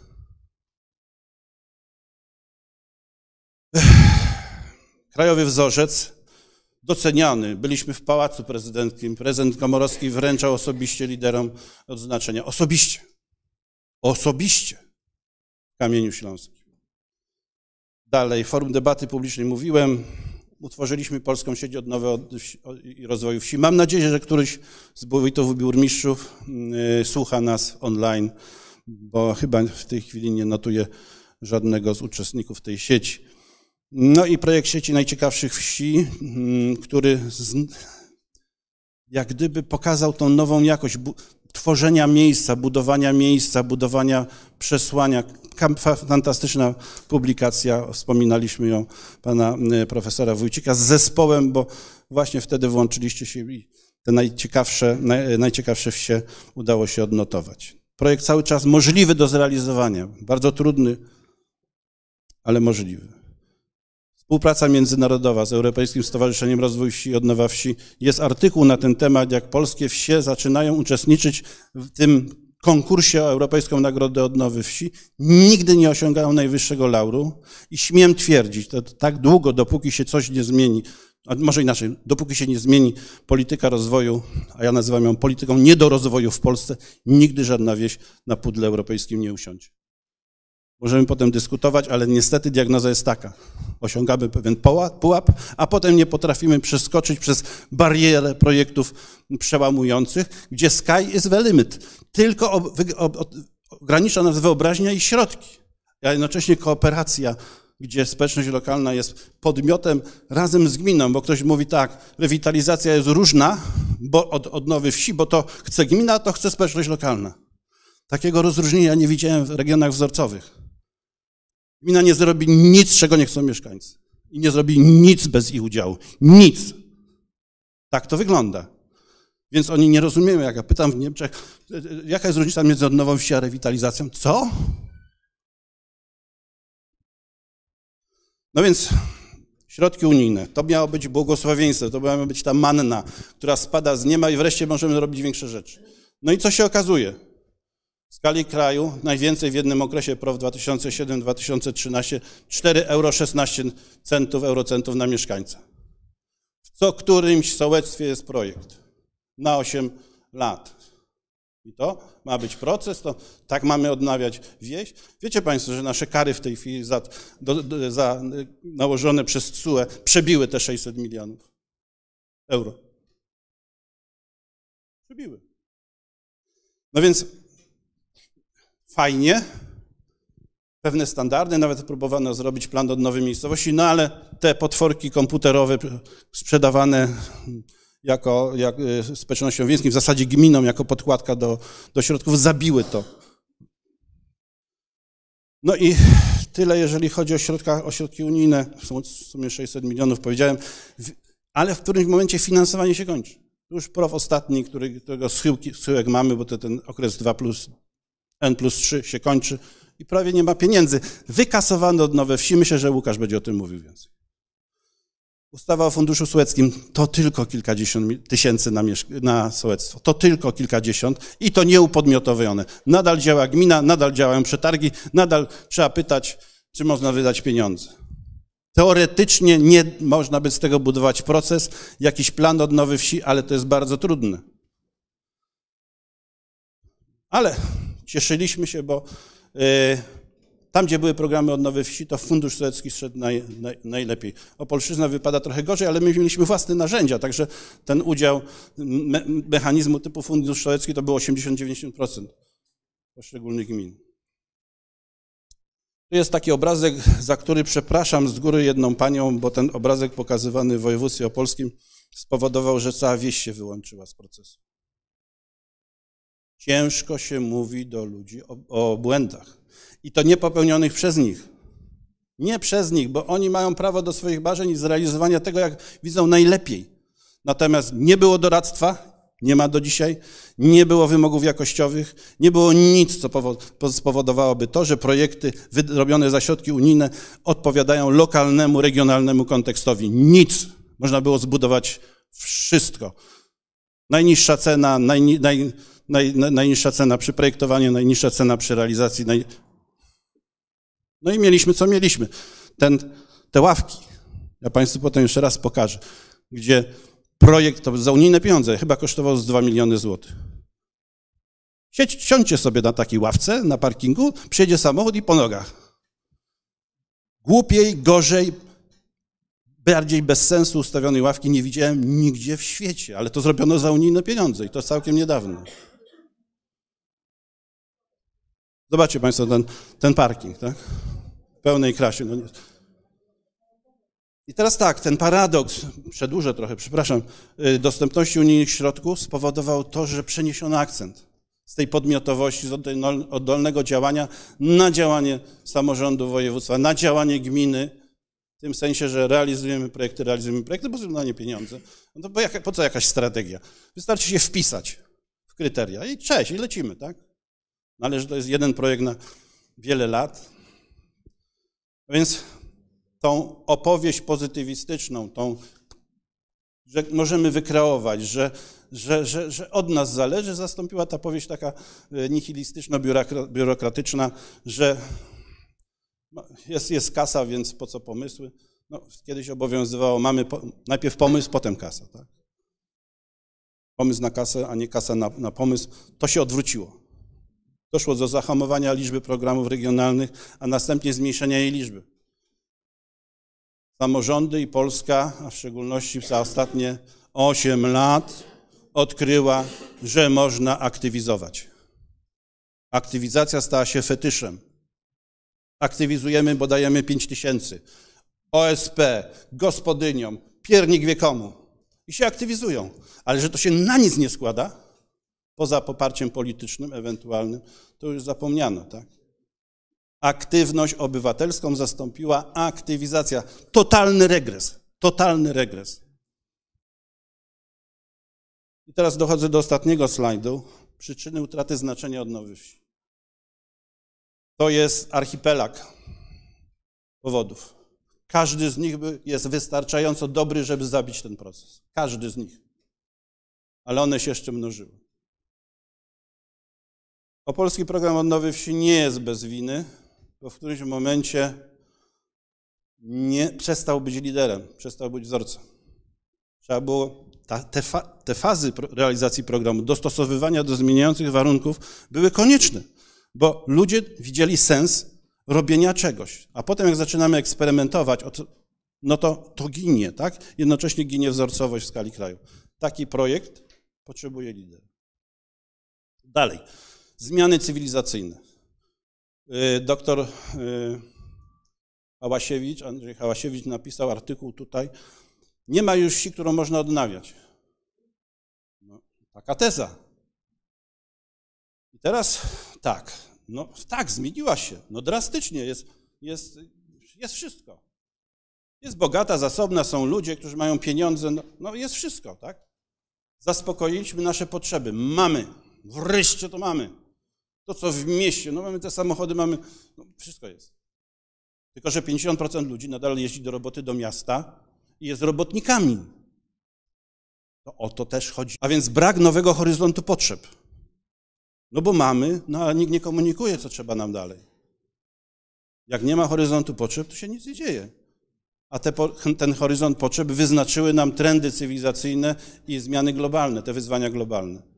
Jak nie zrobimy, to nam planeta zginie. Nie, I to jest jasne dla wszystkich, którzy widzą szeroko. Każdy musi coś zrobić, na przykład Agenda 21, lata 2000, odnowie wsi na zachodzie Europy. Przecież to, było, to, było, to była realna kwestia. Odnawialne energie, samowystarczalność energetyczna, nie śmiecimy, no to się wszystko działo.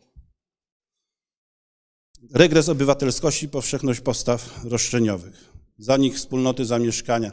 W jakim sensie prawda? Te wspólnoty są w internecie, te grupy, nie grupy, to wszystko jest prawda. Ale, ale, czy zmieniły się aż tak bardzo aspiracje ludzi, że chcą stale więcej, tylko trzeba im te możliwości pootwierać. Tak? Otwieranie możliwości to jest moim zdaniem jak gdyby mm, pewien pomysł na to, jak może funkcjonować dalej. To otwieranie możliwości może być właśnie w tym obszarze gospodarki opartej na wiedzy, opartej o emocjach. Właśnie tam. Bardzo to nie jest, to nie jest trudne. Polityka polska, polityka rozwoju. Napisałem celowo, świadomie, prowokacyjnie, nie do rozwoju. Bo jeżeli mamy tylko dawać pieniądze, to uważam, że to jest najgorszy z możliwych sposobów. Dalej, środki na wszystko, ale na nowatorskie, przełamujące projekty, takie, które mogą zaskoczyć Europę, nadal nie ma. Znajdźcie Państwo takie źródło, gdzie przy tym nieszczęsnym wyrównywaniu szans są projekty dla najlepszych. Nie każdemu, tak? Jak w komunizmie. Tylko dla najlepszych, bo najlepsi ciągną. To oni wyważają, otwierają horyzonty. Nie ma czegoś takiego. Dalej, rewitalizacja ignorująca odnowę wsi. W 2015 roku niestety mój obóz polityczny przyjął ustawę o rewitalizacji, która poszła tak, jak mówiła pani profesor. Gmina decyduje. Co tam się zadziało? Na odrębne seminarium. W każdym razie rewitalizacja głównie w miastach, a jeżeli chodzi o wsie, nie wszystkie regi- regiony w to weszły, w tym nie weszło opolskie, co mnie bardzo zdziwiło. No i nadal ponosimy tego konsekwencje. Brak ramy prawnej dla programów odnowy wsi. Okazuje się, że w państwie polskim, jeżeli nie ma na coś podstawy prawnej, się nie będzie zdarzać. Po prostu. Zniknie. Więc to pominięcie w dokumentach strategicznych, myślę, że Łukasz o tym powie. Ten sposób realizacji odnowy wsi za środki unijne, który wygaszał proces w istocie, to to, to tak? Ich wyczerpywanie się formuły przywództwa. Tu może, myślę, że liderzy będą, będą mogli potem coś powiedzieć na ten temat. E, nieupodmiotowane sowiec- sołectwo. Fundusz sołecki to za mało. Brak kluczowej motywacji. Idei, która rozbudza potrzeby, inspiruje i pociąga, tak jak ta emocja w 2097 roku. To był ruch, szanowni państwo. Ludzie siadali w autobusy, jechali po przekątnej, czytali te książki. Ja się przepraszam za, za to, że jestem mało skromny, ale byłem wtedy bardziej popularny na wsi niż Sienkiewicz. Czy dzisiaj ktoś wyobraża sobie wydanie publikacji tego typu w nakładzie pięciu tysięcy egzemplarzy, żeby się rozeszło? Mm-mm. Niemożliwe. Emocja. Nie ma rozwoju bez emocji. Nie ma. I tego się nie kupi. Tego się nie kupi. No i to, co powiedziałem. Jak ludzie coś robią, to ta mała istotność zmiany. Tylko dodali. Dlatego te wiejskie korowody, cała wieś, dziesiątki platform, setki ludzi na nich. Każdy dom ustrojony, bo wtedy oni pokażą, że wieś to jest zupełnie coś innego. Jeżeli ktoś nie widział wsi opolskiej w trakcie dożynek, to musi to koniecznie nadrobić. Bo wtedy zobaczy, że społeczność wiejska nadal żyje, że jest wspólnota, że się wyraża, że potrzebuje emancypacji, że potrzebuje rywalizacji, że jest w stanie zrobić rzeczy wielkie, jak tam w gminie Popielów przedsięwzięcia raz na dwa lata na tysiące ludzi. I oni to robią. Po prostu jest inaczej. I uważam, szanowni państwo, kłamałem, że to był ostatni slajd. To otwieranie nowych możliwości to jest to, co będzie interesować indywidualnie każdego i zbiorowości, i grupy, te również, które funkcjonują na, na Facebooku, czy, czy są czy na Whatsappach, bo to jest naturalna ludzka potrzeba. Zawsze potrzebujemy nowych możliwości. Zawsze potrzebujemy. I my musimy to dostarczyć. My musimy to dostarczyć na przykład poprzez Smart Village. Jeżeli tego nie zrobimy poprzez Smart Village, to to będzie martwe. Ludzie muszą zobaczyć, że to im otwarło coś. Pokonało, ko- dało pokonać kolejną barierę. Człowiek zawsze będzie dążył do tego, żeby mieć więcej. Chodzi o to, żeby chciał mieć jakościowo więcej. Dalej, w każdym miejscu z zasobów wyobraźni i marzeń da się wykrzesać innowacyjny, szczególny projekt. Koło zamachowej jakościowej zmiany odnowy wsi 2.0. Diagnoza moja jest taka, że w tej chwili wszelkie instytucje marnują tą szansę. Dziękuję.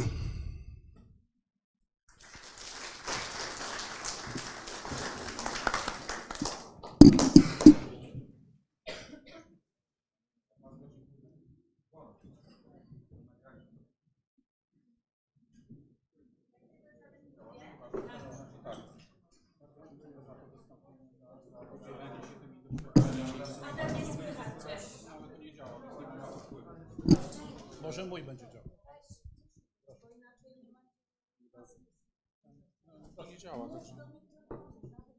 Ale to nie działa. Bardzo dziękuję za, e, za to wystąpienie, bardzo dziękuję za podzielenie się tymi doświadczeniami i w sumie taką, bym powiedział, słodko-gorzką opowieść o tym, jak ewoluował ten program e, przez te wszystkie lata, za punkt widzenia praktyka osoby niezwykle zaangażowanej w realizację tych działań od- od samego początku. Przejdźmy teraz do ostatniego referatu.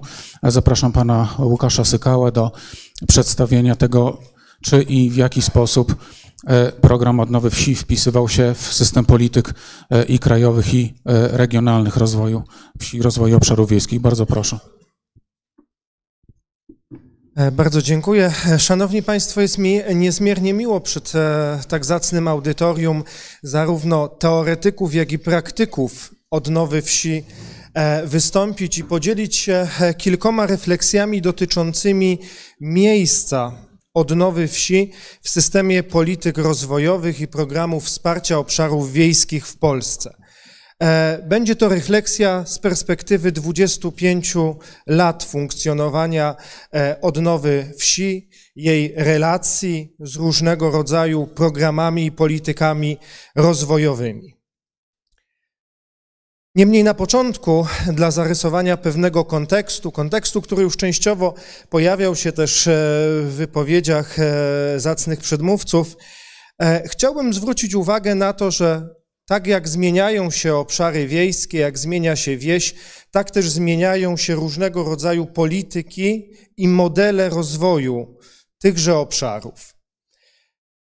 Wychodząc od okresu powojennego, kiedy Europa stanęła, Europa i świat stanęły przed olbrzymim wyzwaniem odbudowy po największym konflikcie zbrojnym, zapewnienia e, żywności dla mieszkańców, dla rozwijającej się, odbudowującej się populacji.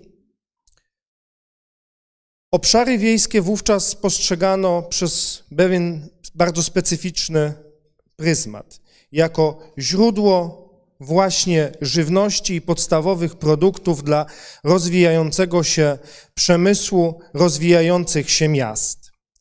Zatem kluczowym problemem czy wyzwaniem tychże obszarów było zapewnienie jak największej wydajności, jak największej produktywności, e, jak największej efektywności w dostarczaniu dóbr i usług, e, a więc kształtowanie obszarów wiejskich i rolnictwa na kształt miast i na kształt przemysłu. Oczywiście te procesy modernizacji, które wówczas się wydarzyły, e, tak jak pani profesor powiedziała, nie możemy ich tylko i wyłącznie postrzegać przez pryzmat negatywny. To są olbrzymie zmiany cywilizacyjne. Niemniej w tych politykach rozwojowych zabrakło tego, co najważniejsze. Mieszkańców, społeczności, upodmiotowienia społeczności, zrozumienia ich potrzeb, które nie zawsze e, wiązały się tylko i wyłącznie z rozwojem rolnictwa. E, Poseł Wilczyński w jednej ze swoich publikacji, pisząc o historii odnowy wsi, zaznaczył, bardzo podoba mi się to porównanie, że te procesy odgórne, egzogeniczne w odnowie wsi do lat 70. na terenie Bawarii spowodowały więcej szkód niż e, II wojna światowa, jeśli chodzi o tradycyjną zabudowę, jeśli chodzi o e, struktury społeczne. Tak? Wieś została umiastowiona, kształtowana jak miasto. Wobec sprzeciwu, wobec takich e, podejść i traktowania tak jednoznacznie obszarów wiejskich jako tylko i wyłącznie rezerwuaru siły roboczej czy e, źródła produkcji podstawowych e, dóbr żywnościowych, Coraz większy nacisk w politykach publicznych zaczęto kłaść nacisk na dostrzeżenie wewnętrznych potencjałów, e, lokalnych zasobów, często bardzo unikatowych, specyficznych i budowaniu w oparciu o mm, właśnie te czynniki rozwoju szerszych polityk. Więc przeszliśmy do rozwoju endogenicznego, bazującego właśnie na tych oddolnych inicjatywach, na podejściu terytorialnym, do czego jeszcze e, w swojej wypowiedzi wrócę. Często te dwa modele były sobie przeciwstawiane e, na przełomie lat 70., 80., ale na przełomie znowu lat 90. i 2000 w coraz większym stopniu zaczęto zwracać uwagę, że tak naprawdę przeciwstawianie tych dwóch modeli nie jest zasadne bo w zasadzie nie istnieje w czystej postaci rozwój, który może bazować tylko i wyłącznie na lokalnych zasobach. Niekiedy potrzebne są impulsy z zewnątrz.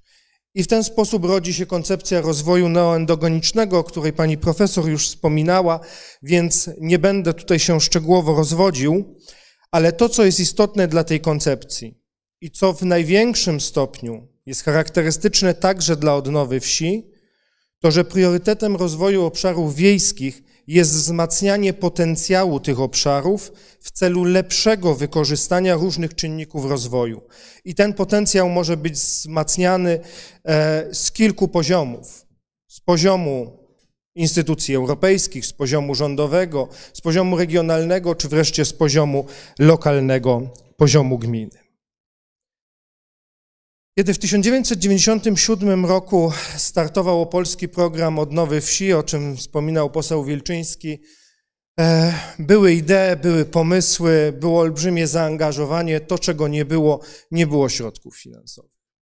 20 lat później, 25 lat później, mamy olbrzymie źródła finansowania procesów rozwoju i modernizacji obszarów wiejskich szereg funduszy europejskich. Nie tylko program rozwoju obszarów wiejskich, ale także regionalne programy operacyjne, krajowe programy operacyjne, olbrzymie środki, jakie możliwe są do pozyskania na szereg różnych elementów czy struktur, e, które można przekształcać. Znacznie więcej mamy niż mieliśmy różnego rodzaju programów rządowych. E, liczba różnych polityk e, czy programów rządowych to już jest w zasadzie kilkaset e, często niewidzących się wzajemnie polityk, które również zawierają w sobie wiele e, celów czy priorytetów adresowanych do obszarów wiejskich. No chociażby taki najnowszy program, program inwestycji strategicznych, gdzie dwie edycje kierowane były do obszarów wiejskich popegierowskich. Poza oczywiście infrastrukturą techniczną, drogami, kanalizacją, znajdujemy tam też e, elementy charakterystyczne dla odnowy wsi, e, jak chociażby remont czy modernizację, wypełnianie treścią świetlic wiejskich. Nieco mniejsze, ale jednak mamy różnego rodzaju programy wojewódzkie, na czele oczywiście z regionalnymi programami odnowy wsi, ale też różnymi konkursami grantowymi, które nie zawsze przybierają postać e, długotrwałych programów, ale dotyczą właśnie wsparcia różnych organizacji e, wiejskich czy środowisk wiejskich. I wreszcie fundusze organizacji pozarządowych. Tutaj przede wszystkim chciałbym wspomnieć o programie Działaj lokalnie Polsko-Amerykańskiej Fundacji Wolności, który jest najbliższy ideą odnowy wsi, bo właśnie to są niewielkie granty, które mają angażować mieszkańców do działań na rzecz dobra wspólnego, na rzecz swoich małych ojczyzn. Możemy powiedzieć, że mamy sytuację idealną, sytuację, kiedy no w zasadzie każdy pomysł może doczekać się finansowania. Mówi się, że od przybytku głowa nie boli. Ale myślę, że akurat jeśli chodzi o wielość źródeł finansowania, nas w politykach rozwojowych trochę ta głowa rozbolała. Dlatego, że nie kwestionując pozytywnego wpływu wielu programów na modernizację, często nawet na rozwój obszarów wiejskich, wydaje się, że odwróciliśmy naturalną logikę postępowania. Naturalną logikę postępowania charakterystyczną dla planowania strategicznego, gdzie najpierw diagnozujemy i definiujemy potrzeby, na których realizację poszukujemy źródeł finansowania, a dopiero później podejmujemy działania, które odpowiadają tym naszym potrzebom. W dobie tak, można powiedzieć, relatywnie łatwej dostępności funduszy, różnych funduszy, w zasadzie mamy do czynienia często z kreowaniem potrzeb przez pryzmat funduszy. Pomagają w tym różnego rodzaju rankingi, tak? Która gmina wykorzystała najwięcej środków z jakiego programu. A więc myślimy coraz więcej, nie chcę oczywiście generalizować, ale w tym morzu środków patrzymy, na co można pozyskać środki i realizujemy niejako odwrotną logikę procesu rozwojowego. Aby pokazać, że zrobiliśmy jakiś cudowny projekt w tym nowym programie, który został niedawno ogłoszony. Niestety taki model rozwoju e, no, niesie ze sobą wiele poważnych konsekwencji, bo zastępuje myśleniem funduszowym myślenie o realnych priorytetach, oddolnych wewnętrznych potrzebach, priorytetami czy celami determinowanymi w poszczególnych programach dotacyjnych. O odnowie wsi e, wiele napisano, e, wiele też dzisiaj mówiliśmy. W telegraficznym skrócie chciałbym się odwołać do jednej z definicji e, zaproponowanej przez posła Wilczyńskiego, która wskazuje właśnie na kluczowe elementy tego procesu. Mianowicie procesowy charakter, czyli nie zbiór incydentalnych, pojedynczych, oderwanych od siebie przedsięwzięć, projektów, działań, ale proces. Proces, który prowadzi nas i prowadzi nas, naszą wieś w kierunku rozwoju. W oparciu o lokalne zasoby, oddolne czynniki rozwoju, ale co charakterystyczne dla odnowy wsi, wspierane także z poziomu regionalnego w postaci wojewódzkich programów odnowy wsi. Jeżeli spojrzymy historycznie na podejścia do procesu odnowy wsi, kształt metody i też paradygmaty tego procesu, możemy mówić o takich przeciwstawnych e, podziałach. Z jednej strony na podejście oddolne, to właściwe tej nazwijmy to odnowie wsi w formie e, programów wojewódzkich, gdzie mamy kluczowe zaangażowanie społeczności lokalnych, to oni są podmiotem tego procesu, e, jego twórcą i aktorem i podejście odgórne. Częstsze od 2004 roku, od dostępności funduszy europejskich, gdzie mamy priorytety, konkursy, i finansowanie odgórnie określonych projektów z listy, którą możemy sobie wybrać. I dwa paradygmaty. Paradygmat modernizacyjny, ten do lat 70., o którym wspominałem, a więc bardziej odnowa wsi przez pryzmat kształtowania jej jako miasta, która spowodowała e, no, wiele negatywnych konsekwencji i model rewitalizacyjny ukierunkowany w większym stopniu na zachowanie tożsamości i dziedzictwa kulturowego wsi. Paradygmat rewitalizacyjny. O rewitalizacji też była mowa i chciałbym na moment się przy tej nieszczęsnej rewitalizacji zatrzymać. E, Słusznie poseł Wilczyński e, zaznacza, że na Zachodzie nie mamy takiej, e, takiego zamieszania pojęciowego. Rewitalizacja oznacza rewitalizację, wy, wywodzi się z tego wspólnego słowa renewal, tak, które możemy właśnie tłumaczyć jako odnowa. Natomiast e, w Polsce od pewnego momentu rewitalizacja została zdefiniowana prawnie, natomiast wcześniej trafiła już e, też z funduszami europejskimi e, głównie i trafiła na bardzo podatny grunt i pojęcie rewitalizacji jest tym z pojęć, które w Polsce zrobiły niebywałą karierę, niekoniecznie w tym znaczeniu, w którym powinny. Jeżeli popatrzymy sobie na Projekty finansowane ze środków europejskich, można sobie poszukać w mapie dotacji, takim portalu.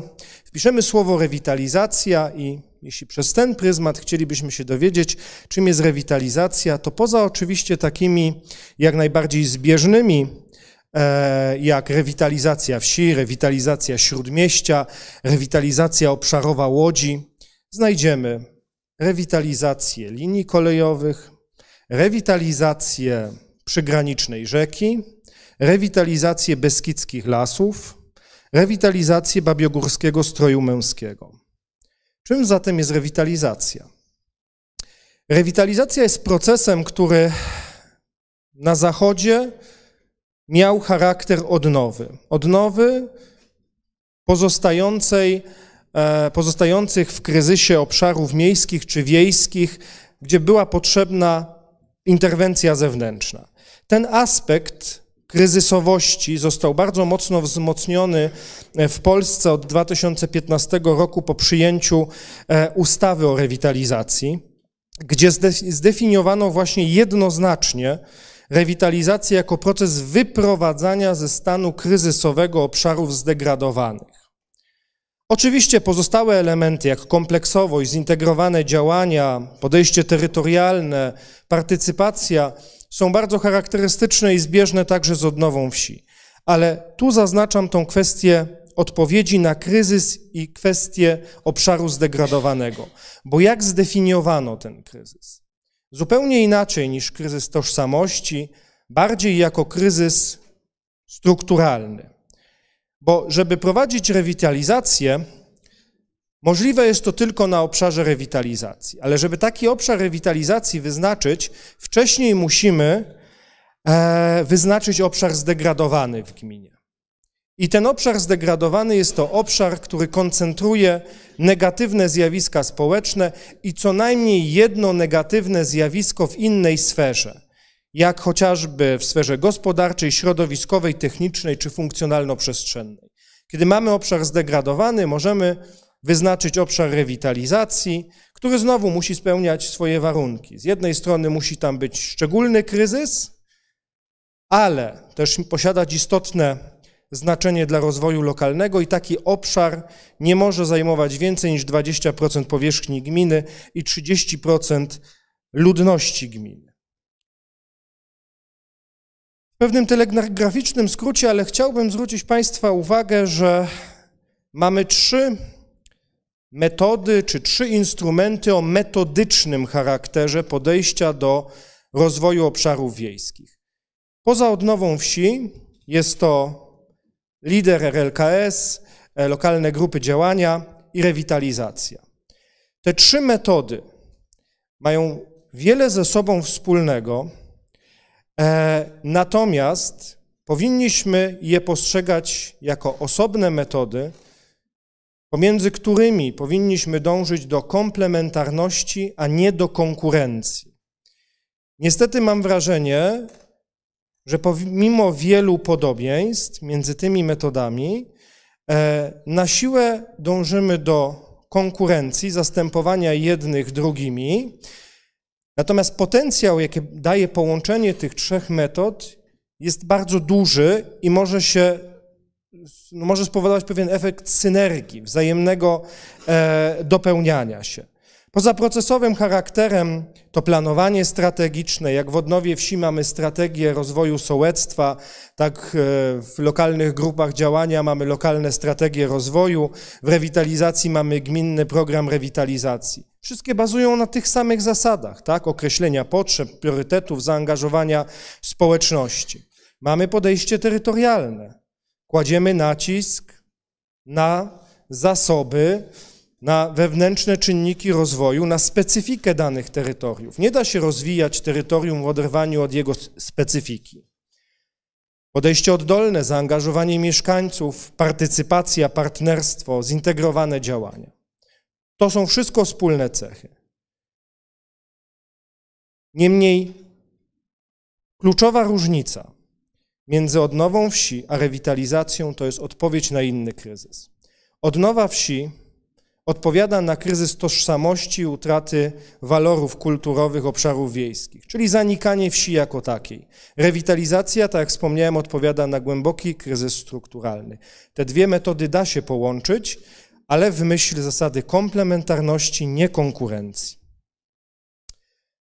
E, teraz chciałbym przejść do pewnego podsumowania z jednej strony miejsca odnowy wsi w systemie polityk rozwojowych w Polsce, ale poprzedziłbym to jeszcze z krótkim spojrzeniem na miejsce samych obszarów wiejskich w systemie polityk rozwojowych.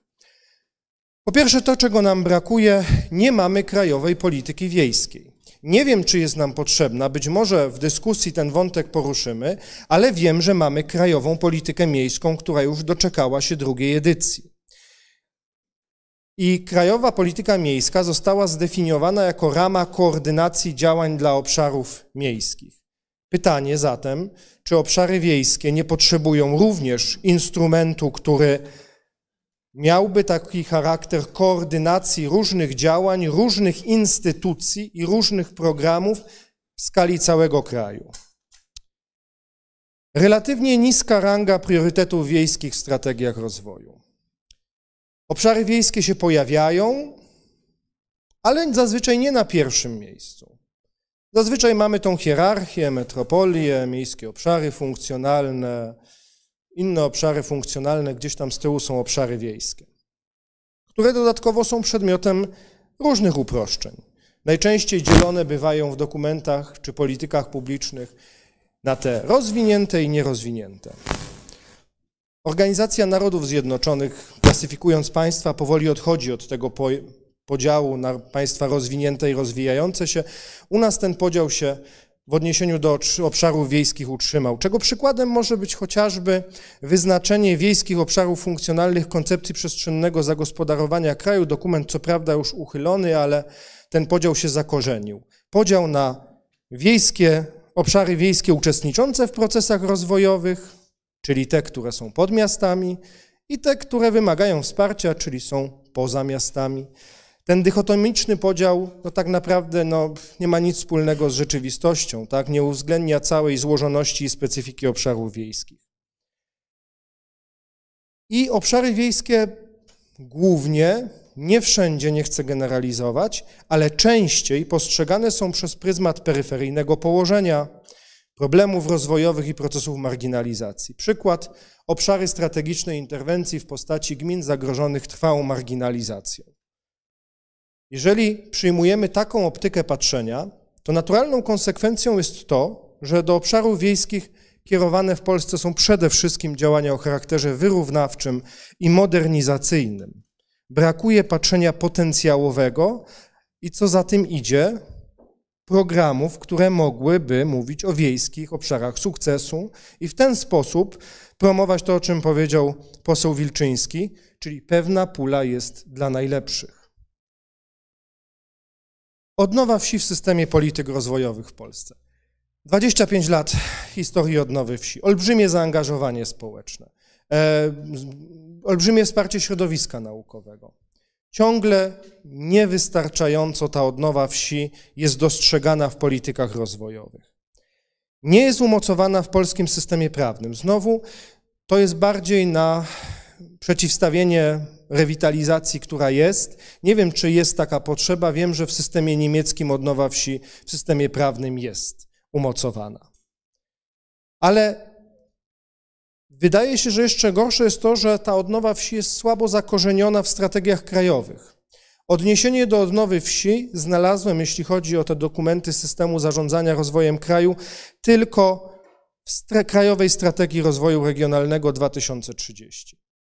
I to też w kontekście, akurat te zapisy tej strategii są bardzo, e, powiedziałbym, światłe i mądre, bo właśnie próbują znaleźć relacje między odnową wsi i rewitalizacją. I mówią o bardzo pozytywnych doświadczeniach odnowy wsi e, i lidera w kontekście właśnie stymulowania rozwoju lokalnego.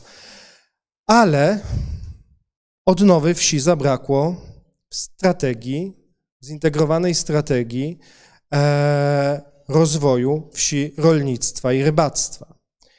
Wiem, że teraz jest aktualizowana, jest to szansa, żeby jednak ta odnowa wsi się tam znalazła, bo rewitalizacja dla przykładu się znalazła.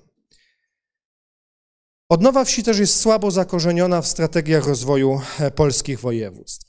Tylko sześć województw posiada bezpośrednie odniesienie do odnowy wsi w swoich strategiach. Częściej cztery województwa jako kierunek działania, dwa, czyli opolskie i wielkopolskie, jako instrument realizacji strategii rozwoju. To jest ważne, dlatego że pokazuje nam, że odnową wsi w tych województwach chcemy rozwijać obszary wiejskie. Odnowa wsi jako instrument i regionalne programy odnowy wsi w siedmiu województwach. Tutaj taka krótka historia tychże programów. E, od programu opolskiego w 1997 roku się zaczyna.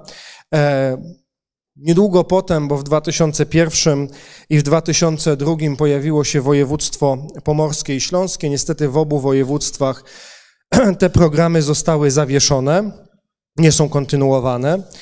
Pewnym bardzo interesującym, ważnym ewenementem, że tak się wyrażę w cudzysłowie, który warto podkreślić, to jest nieprzerwana realizacja odnowy wsi powiatu nakielskiego, gdzie to powiat wziął na siebie rolę animatora procesu rozwojowego, powiat nakielski w województwie kujawsko-pomorskim. W 2009 i e, w dwóch województwach pojawia się odnowa wsi w Dolnośląskim i Wielkopolskim. E, dwa lata później, w 2011, w województwach podkarpackim i warmińsko-mazurskim. I w ostatnich latach do tego grona województw, które realizują odnowę wsi, ale bardziej w formie konkursów grantowych niż e, pewnego programu, dołączyły również województwa podlaskie i lubuskie. Chciałbym również zwrócić uwagę, że e, w dwóch województwach, czyli w mazowieckim i ponownie w śląskim, mamy podobne inicjatywy do odnowy wsi w formie konkursów grantowych. W województwie śląskim jest to inicjatywa sołecka, w województwie mazowieckim mazowiecki instrument aktywizacji sołectw. Programy odnowy wsi wojewódzkie różnią się między sobą, ale przynajmniej w tych, które czerpią z doświadczeń województwa opolskiego, możemy mówić o trzech kluczowych filarach. Wsparcie dotacyjne, niewielkie konkursy grantowe na realizację działań w sołectwach zbieżne z odnową wsi, chociażby w zakresie kształtowania przestrzeni publicznej czy rozwoju infrastruktury społecznej. To, co najważniejsze dla wojewódzkich programów odnowy wsi, wsparcie pozadotacyjne – Różnego rodzaju działania doradcze, edukacyjne, szkoleniowe, animacja wiejskiego przywództwa, networking, wszystko to, co wzmacnia lokalne społeczności jako aktorów procesu odnowy wsi. I pewien wymiar promocyjny odnowy wsi, który ma zapewnić żywotność tejże odnowy i upowszechnianie w środowiskach wiejskich, a więc generowanie pozytywnych doświadczeń, dobrych praktyk, E, wzorców godnych naśladowania. Tutaj mamy różnego rodzaju konkursy typu Piękna Wieś. I na bardzo spójne, że się tak wyrażę, e, to pewien przykład. Pewien przykład o tym, o czym mówimy, jeśli chodzi o skalę takiego programu wojewódzkiego, bo za chwilę będziemy mówić jeszcze trochę o programach finansowanych ze środków europejskich. W województwie wielkopolskim mamy trzy konkursy, dwa dedykowane e, samorządom, jeden organizacjom pozarządowym. Jak Państwo widzą, dofinansowanie w tych konkursach jest bardzo niewielkie. Wzrosło przez okres e, ostatnich lat. W głównym konkursie jest to 50 tysięcy złotych, a Wielkopolska Odnowa Wsi jest jedną z tych bogatszych, bo jeśli popatrzymy na konkursy grantowe w pozostałych województwach, to są to środki rzędu 7 tysięcy złotych, 10 tysięcy złotych. To są drobne kwestie. To są dzisiaj w prawie zamówień publicznych to są kwoty, które są wydatkowane z wolnej ręki. Eee, ale znowu, pomimo tych konkursów, to co kluczowe, to to wsparcie pozadotacyjne, które zapewnia żywotność idei, czyli działalność moderatorów odnowy wsi, szkolenia, warsztaty, konferencje, wizyty studyjne, nowy element, bo właśnie, żeby ta odnowa wsi funkcjonowała, trzeba dodać pewne nowe elementy. Wiejska Akademia Liderów, Wielkopolska Akademia Liderów Wiejskich, przewidziana właśnie w strategii do stworzenia, będzie teraz powoływana. Ale jeśli mówimy o samych projektach, bardzo ważne zaangażowanie mieszkańców, materiały, sprzęt, praca własna. Od początku funkcjonowania Wielkopolskiej Odnowy Wsi ponad 50% sołec w niej uczestniczy, blisko 2000 zrealizowanych projektów, 41 milionów złotych wsparcia z budżetu województwa, 41 milionów od 2009 roku. 41 milionów złotych to jest wartość 2000 projektów, często 41 milionów złotych to jest jeden projekt rewitalizacji w mieście. I to taki niewielki. E, druga droga odnowy wsi e, to fundusze europejskie. Obecne już od 2004 roku olbrzymi entuzjazm związany z uruchomieniem działania odnowa wsi i zachowanie dziedzictwa kulturowego. E, później Rok 2007-2013, tu największa skala odnowy wsi finansowanej ze środków europejskich, bo ponad 15 tysięcy projektów. Także w ramach lidera tu powstała taka dziwna struktura, trochę zamie która zamieszała, bo z jednej strony mieliśmy odnowę wsi E, finansowaną przez urzędy marszałkowskie, z drugiej strony przez lokalne grupy działania. No jeszcze jak dodamy do tego odnowę wsi w formie programów wojewódzkich, trzy odnowy wsi w jednym kraju, często niezależnie. E, ostatni okres programowania, pomimo tego, że środki na odnowę wsi wzrosły, to jest to tak zwany efekt statystyczny bo odnowę wsi połączono w ostatnim prowie z działaniem podstawowe usługi e, dla ludności gospodarki wiejskiej, więc połączenie dwóch wcześniej odrębnych działań. Nie kwestionując bardzo pozytywnych efektów, które tutaj Państwo mogą zauważyć, wielu oddanych do użytkowania nowych czy wyremontowanych obiektów, zachowanego dziedzictwa kulturowego. Tego, co brakuje w projektach współfinansowanych ze środków europejskich, to przede wszystkim zaangażowania lokalnych społeczności w projektowanie i realizację. Są to głównie przedsięwzięcia infrastrukturalne realizowane przez sektor publiczny. I powoli zbliżając się w kierunku końca, jeszcze dwa słowa o rewitalizacji. Tak jak wspomniałem, rewitalizacja zrobiła e, u nas olbrzymią karierę.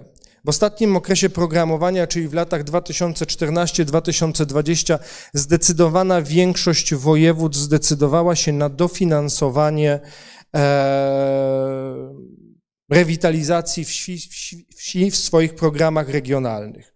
Dwa województwa, małopolskie i lubelskie, e, zdecydowały się nawet na wyodrębnienie osobnych działań dla rewitalizacji wsi w Małopolsce pod nazwą Odnowa Wsi, ale to raczej tylko i wyłącznie nazwa, bo przedsięwzięcia i zakres wsparcia jest taki sam jak dla rewitalizacji miast. E, w dwóch województwach, które wdrażają RLKS bezpośrednio, Kujawsko-Pomorskie i Podlaskie, w tej formie wspierana jest rewitalizacja wsi.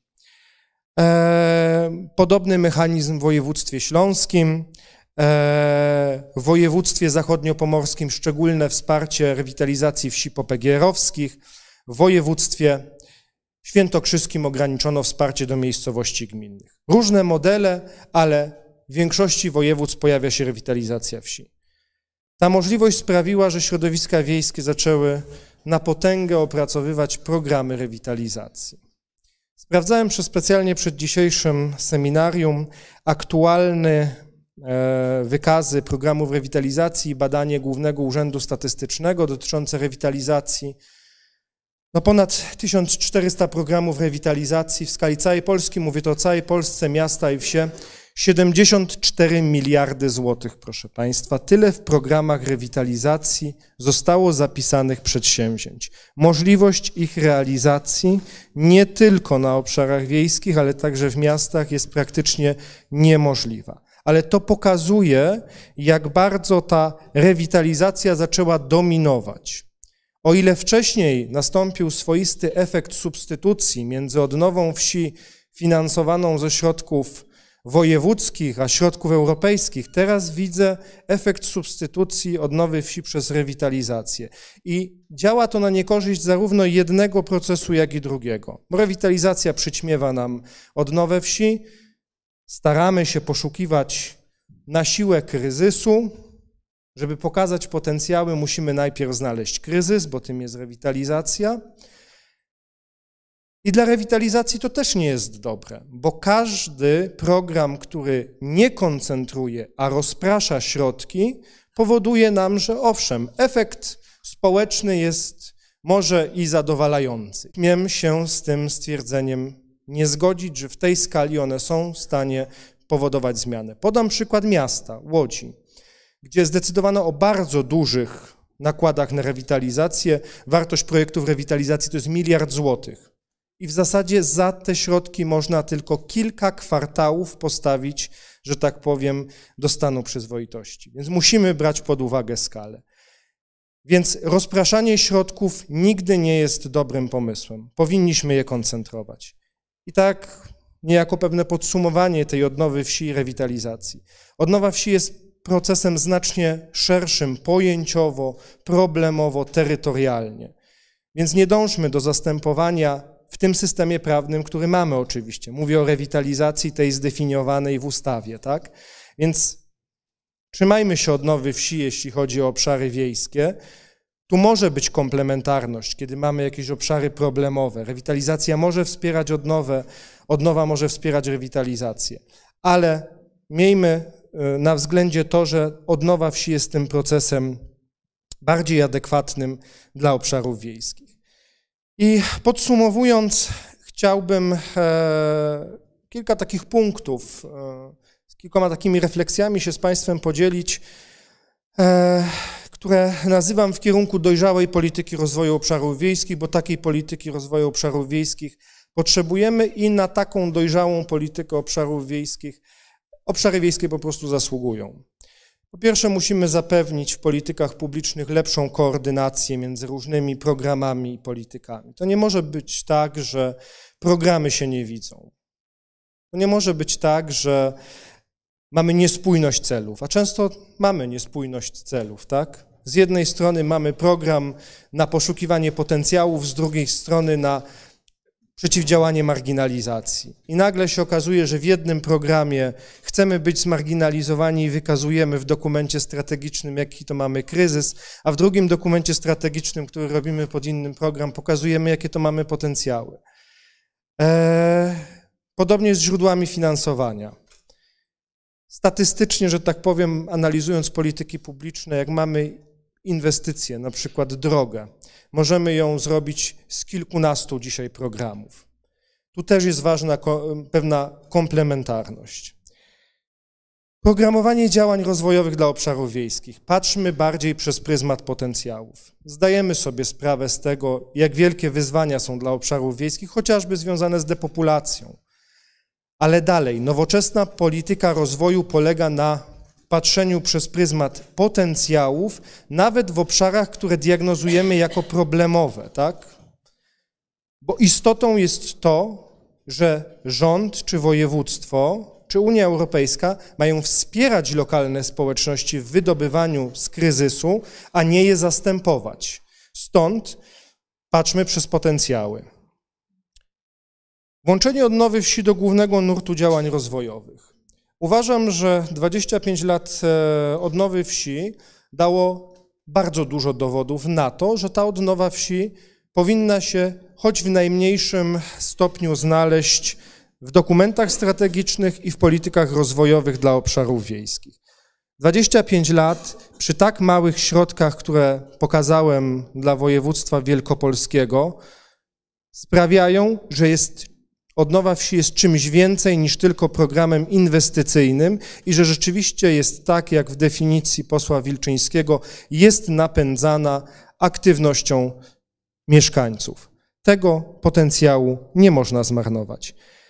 I większa komplementarność z instrumentami lider RLKS.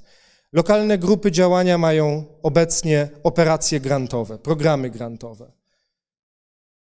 Warto pomyśleć, żeby na przykład programy grantowe służyły realizacji działań odnowy wsi. To są znowu niewielkie pieniądze, które jeden grant może kilka miejscowości, że tak powiem, e, dofinansować. I wreszcie właściwa relacja między e, odnową wsi i rewitalizacją, tą rewitalizacją zdefiniowaną w polskim prawie. Tak się stało, tak została zdefiniowana, więc zadbajmy o to, żeby ułożyć poprawnie te relacje i nie dążyć do zastępowania odnowy wsi przez rewitalizację. Dziękuję serdecznie Państwu za uwagę.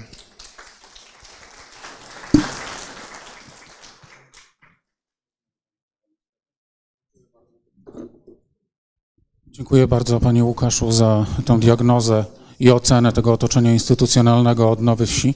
Proszę Państwa, mam taką propozycję w związku z tym, że ta liczna grupa praktyków z województwa opolskiego, którą dzisiaj gościmy w Instytucie, musi opuścić tą salę w ciągu no, kilku najbliższych minut. Może zróbmy teraz przerwę dziesięciominutową, żeby Państwo mogli swobodnie wyjść, a my będziemy dalej kontynuować tą część e, z pytaniami, e, komentarzami i dyskusją. Chyba, że ktoś z Państwa teraz chciałby jeszcze szczególnie z osób, które będą opuszczać nas w najbliższym czasie, zadać jakieś pytanie albo krótko skomentować, to bardzo proszę.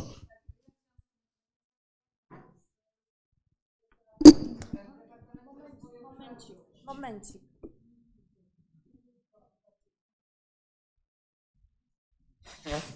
Raz. Tak, niestety musimy rzeczywiście za chwilę opuścić e, salę, bo mamy jeszcze inne zobowiązania w tym, e, w tym dniu. E, ja bardzo się cieszę, że tutaj jesteśmy i mieliśmy możliwość wysłuchania interesujących bardzo wykładów. I chciałam się odnieść do takiej jednej rzeczy, która tutaj bardzo mocno była podnoszona, czyli braku angażowania społeczności w realizację projektów, czy wybór projektów, które będą realizowane na danym obszarze. Chciałam powiedzieć, że to się bardzo mocno zmienia. E, w nowym programie Fundusze Europejskie dla Opolskiego e, na lata 2021-2027 realizowane będą tak zwane projekty grantowe, które nie mogą być e, wybrane do realizacji bez jakby mandatu społeczności lokalnej, czyli gmina na przykład będzie musiała przedstawiać listę poparcia czy zebrań wiejskich, to, że ten projekt, który będzie składany do Urzędu Marszałkowskiego, ma rzeczywiście e, tutaj zgodę społeczności e, wiejskiej. I chciałam powiedzieć, że w województwie opolskim jest bardzo dużo programów, które jakby kontynuują odnowę, odnowę wsi, bo to jest między innymi marszałkowska inicjatywa E, e, sołecka, która zaczynała z kwotą 5 tysięcy, mamy w tej chwili 6,5 tysięcy złotych dofinansowania. Oczywiście jeszcze wchodzi tutaj e, wkład własny gminy 20%. Mamy różnego rodzaju konkursy, które zmieniamy, bo to, co tutaj często było mówione, że właśnie to, to był proces, który w tym momencie wymaga, wymaga zmiany. I tak jak na przykład w województwie opolskim jest zorganizowany konkurs Piękna Wieś Opolska, to w tym roku ten konkurs y, się zmienił, bo daliśmy mu nowe hasło, siła w ludziach, y, y, zrobiliśmy debiuty, czyli te wsie, które do tej pory się nie angażowały, nie zgłaszały się do tego konkursu, to je zachęciliśmy. Mieliśmy ponad 20 zgłoszeń, jak dobrze pamiętam, czy nawet 30.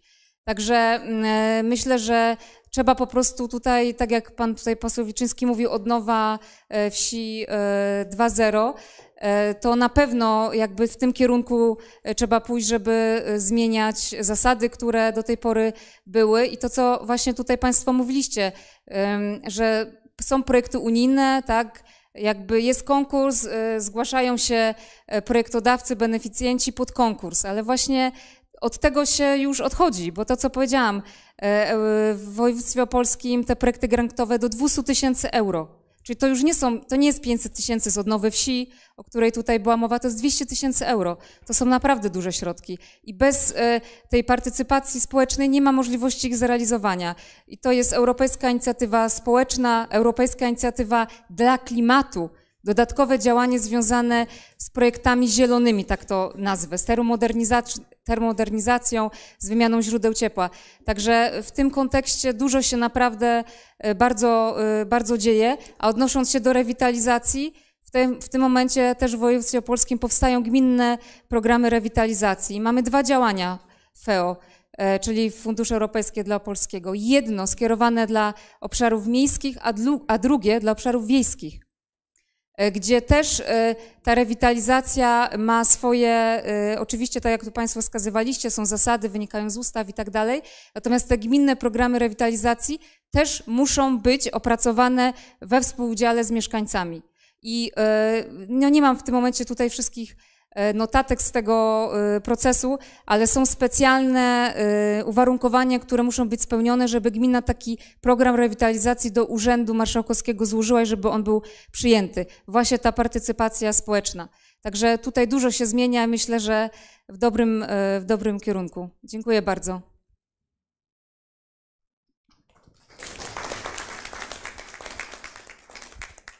E, Czy ktoś z Państwa, zwracam się jeszcze do osób, które będą musiały nas opuścić, ma jakieś pytanie, jakiś krótki komentarz? Bardzo proszę.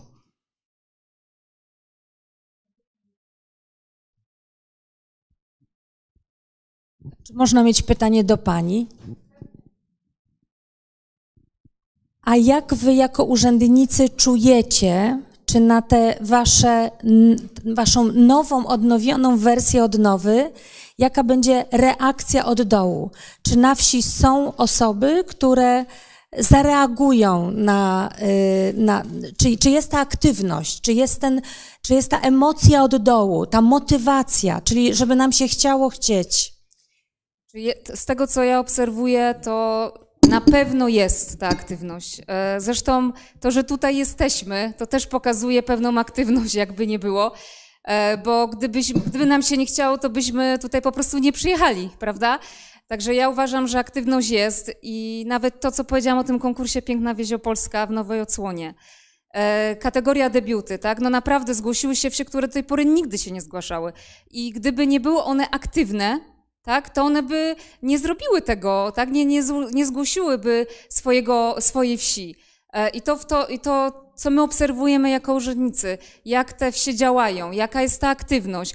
Pan poseł mówił o dożynkach, tak? My widzieliśmy naprawdę wiele aktywności podczas nawet tego konkursu, bo każda y, wieś przedstawia swoją, e, przedstawia to, co robi. E, I tak jak powiedziałam, ocenialiśmy nie to, jak ta wieś wygląda, czy jest piękny chodnik, czy jest piękna droga, tylko to, co na tej wsi się dzieje, bo hasło było siła w ludziach. Także tutaj e, naprawdę myślę, że ta aktywność jest i to, że tutaj jesteśmy, to też udowadniamy, że nam się chce, prawda? E, Także tak, tak.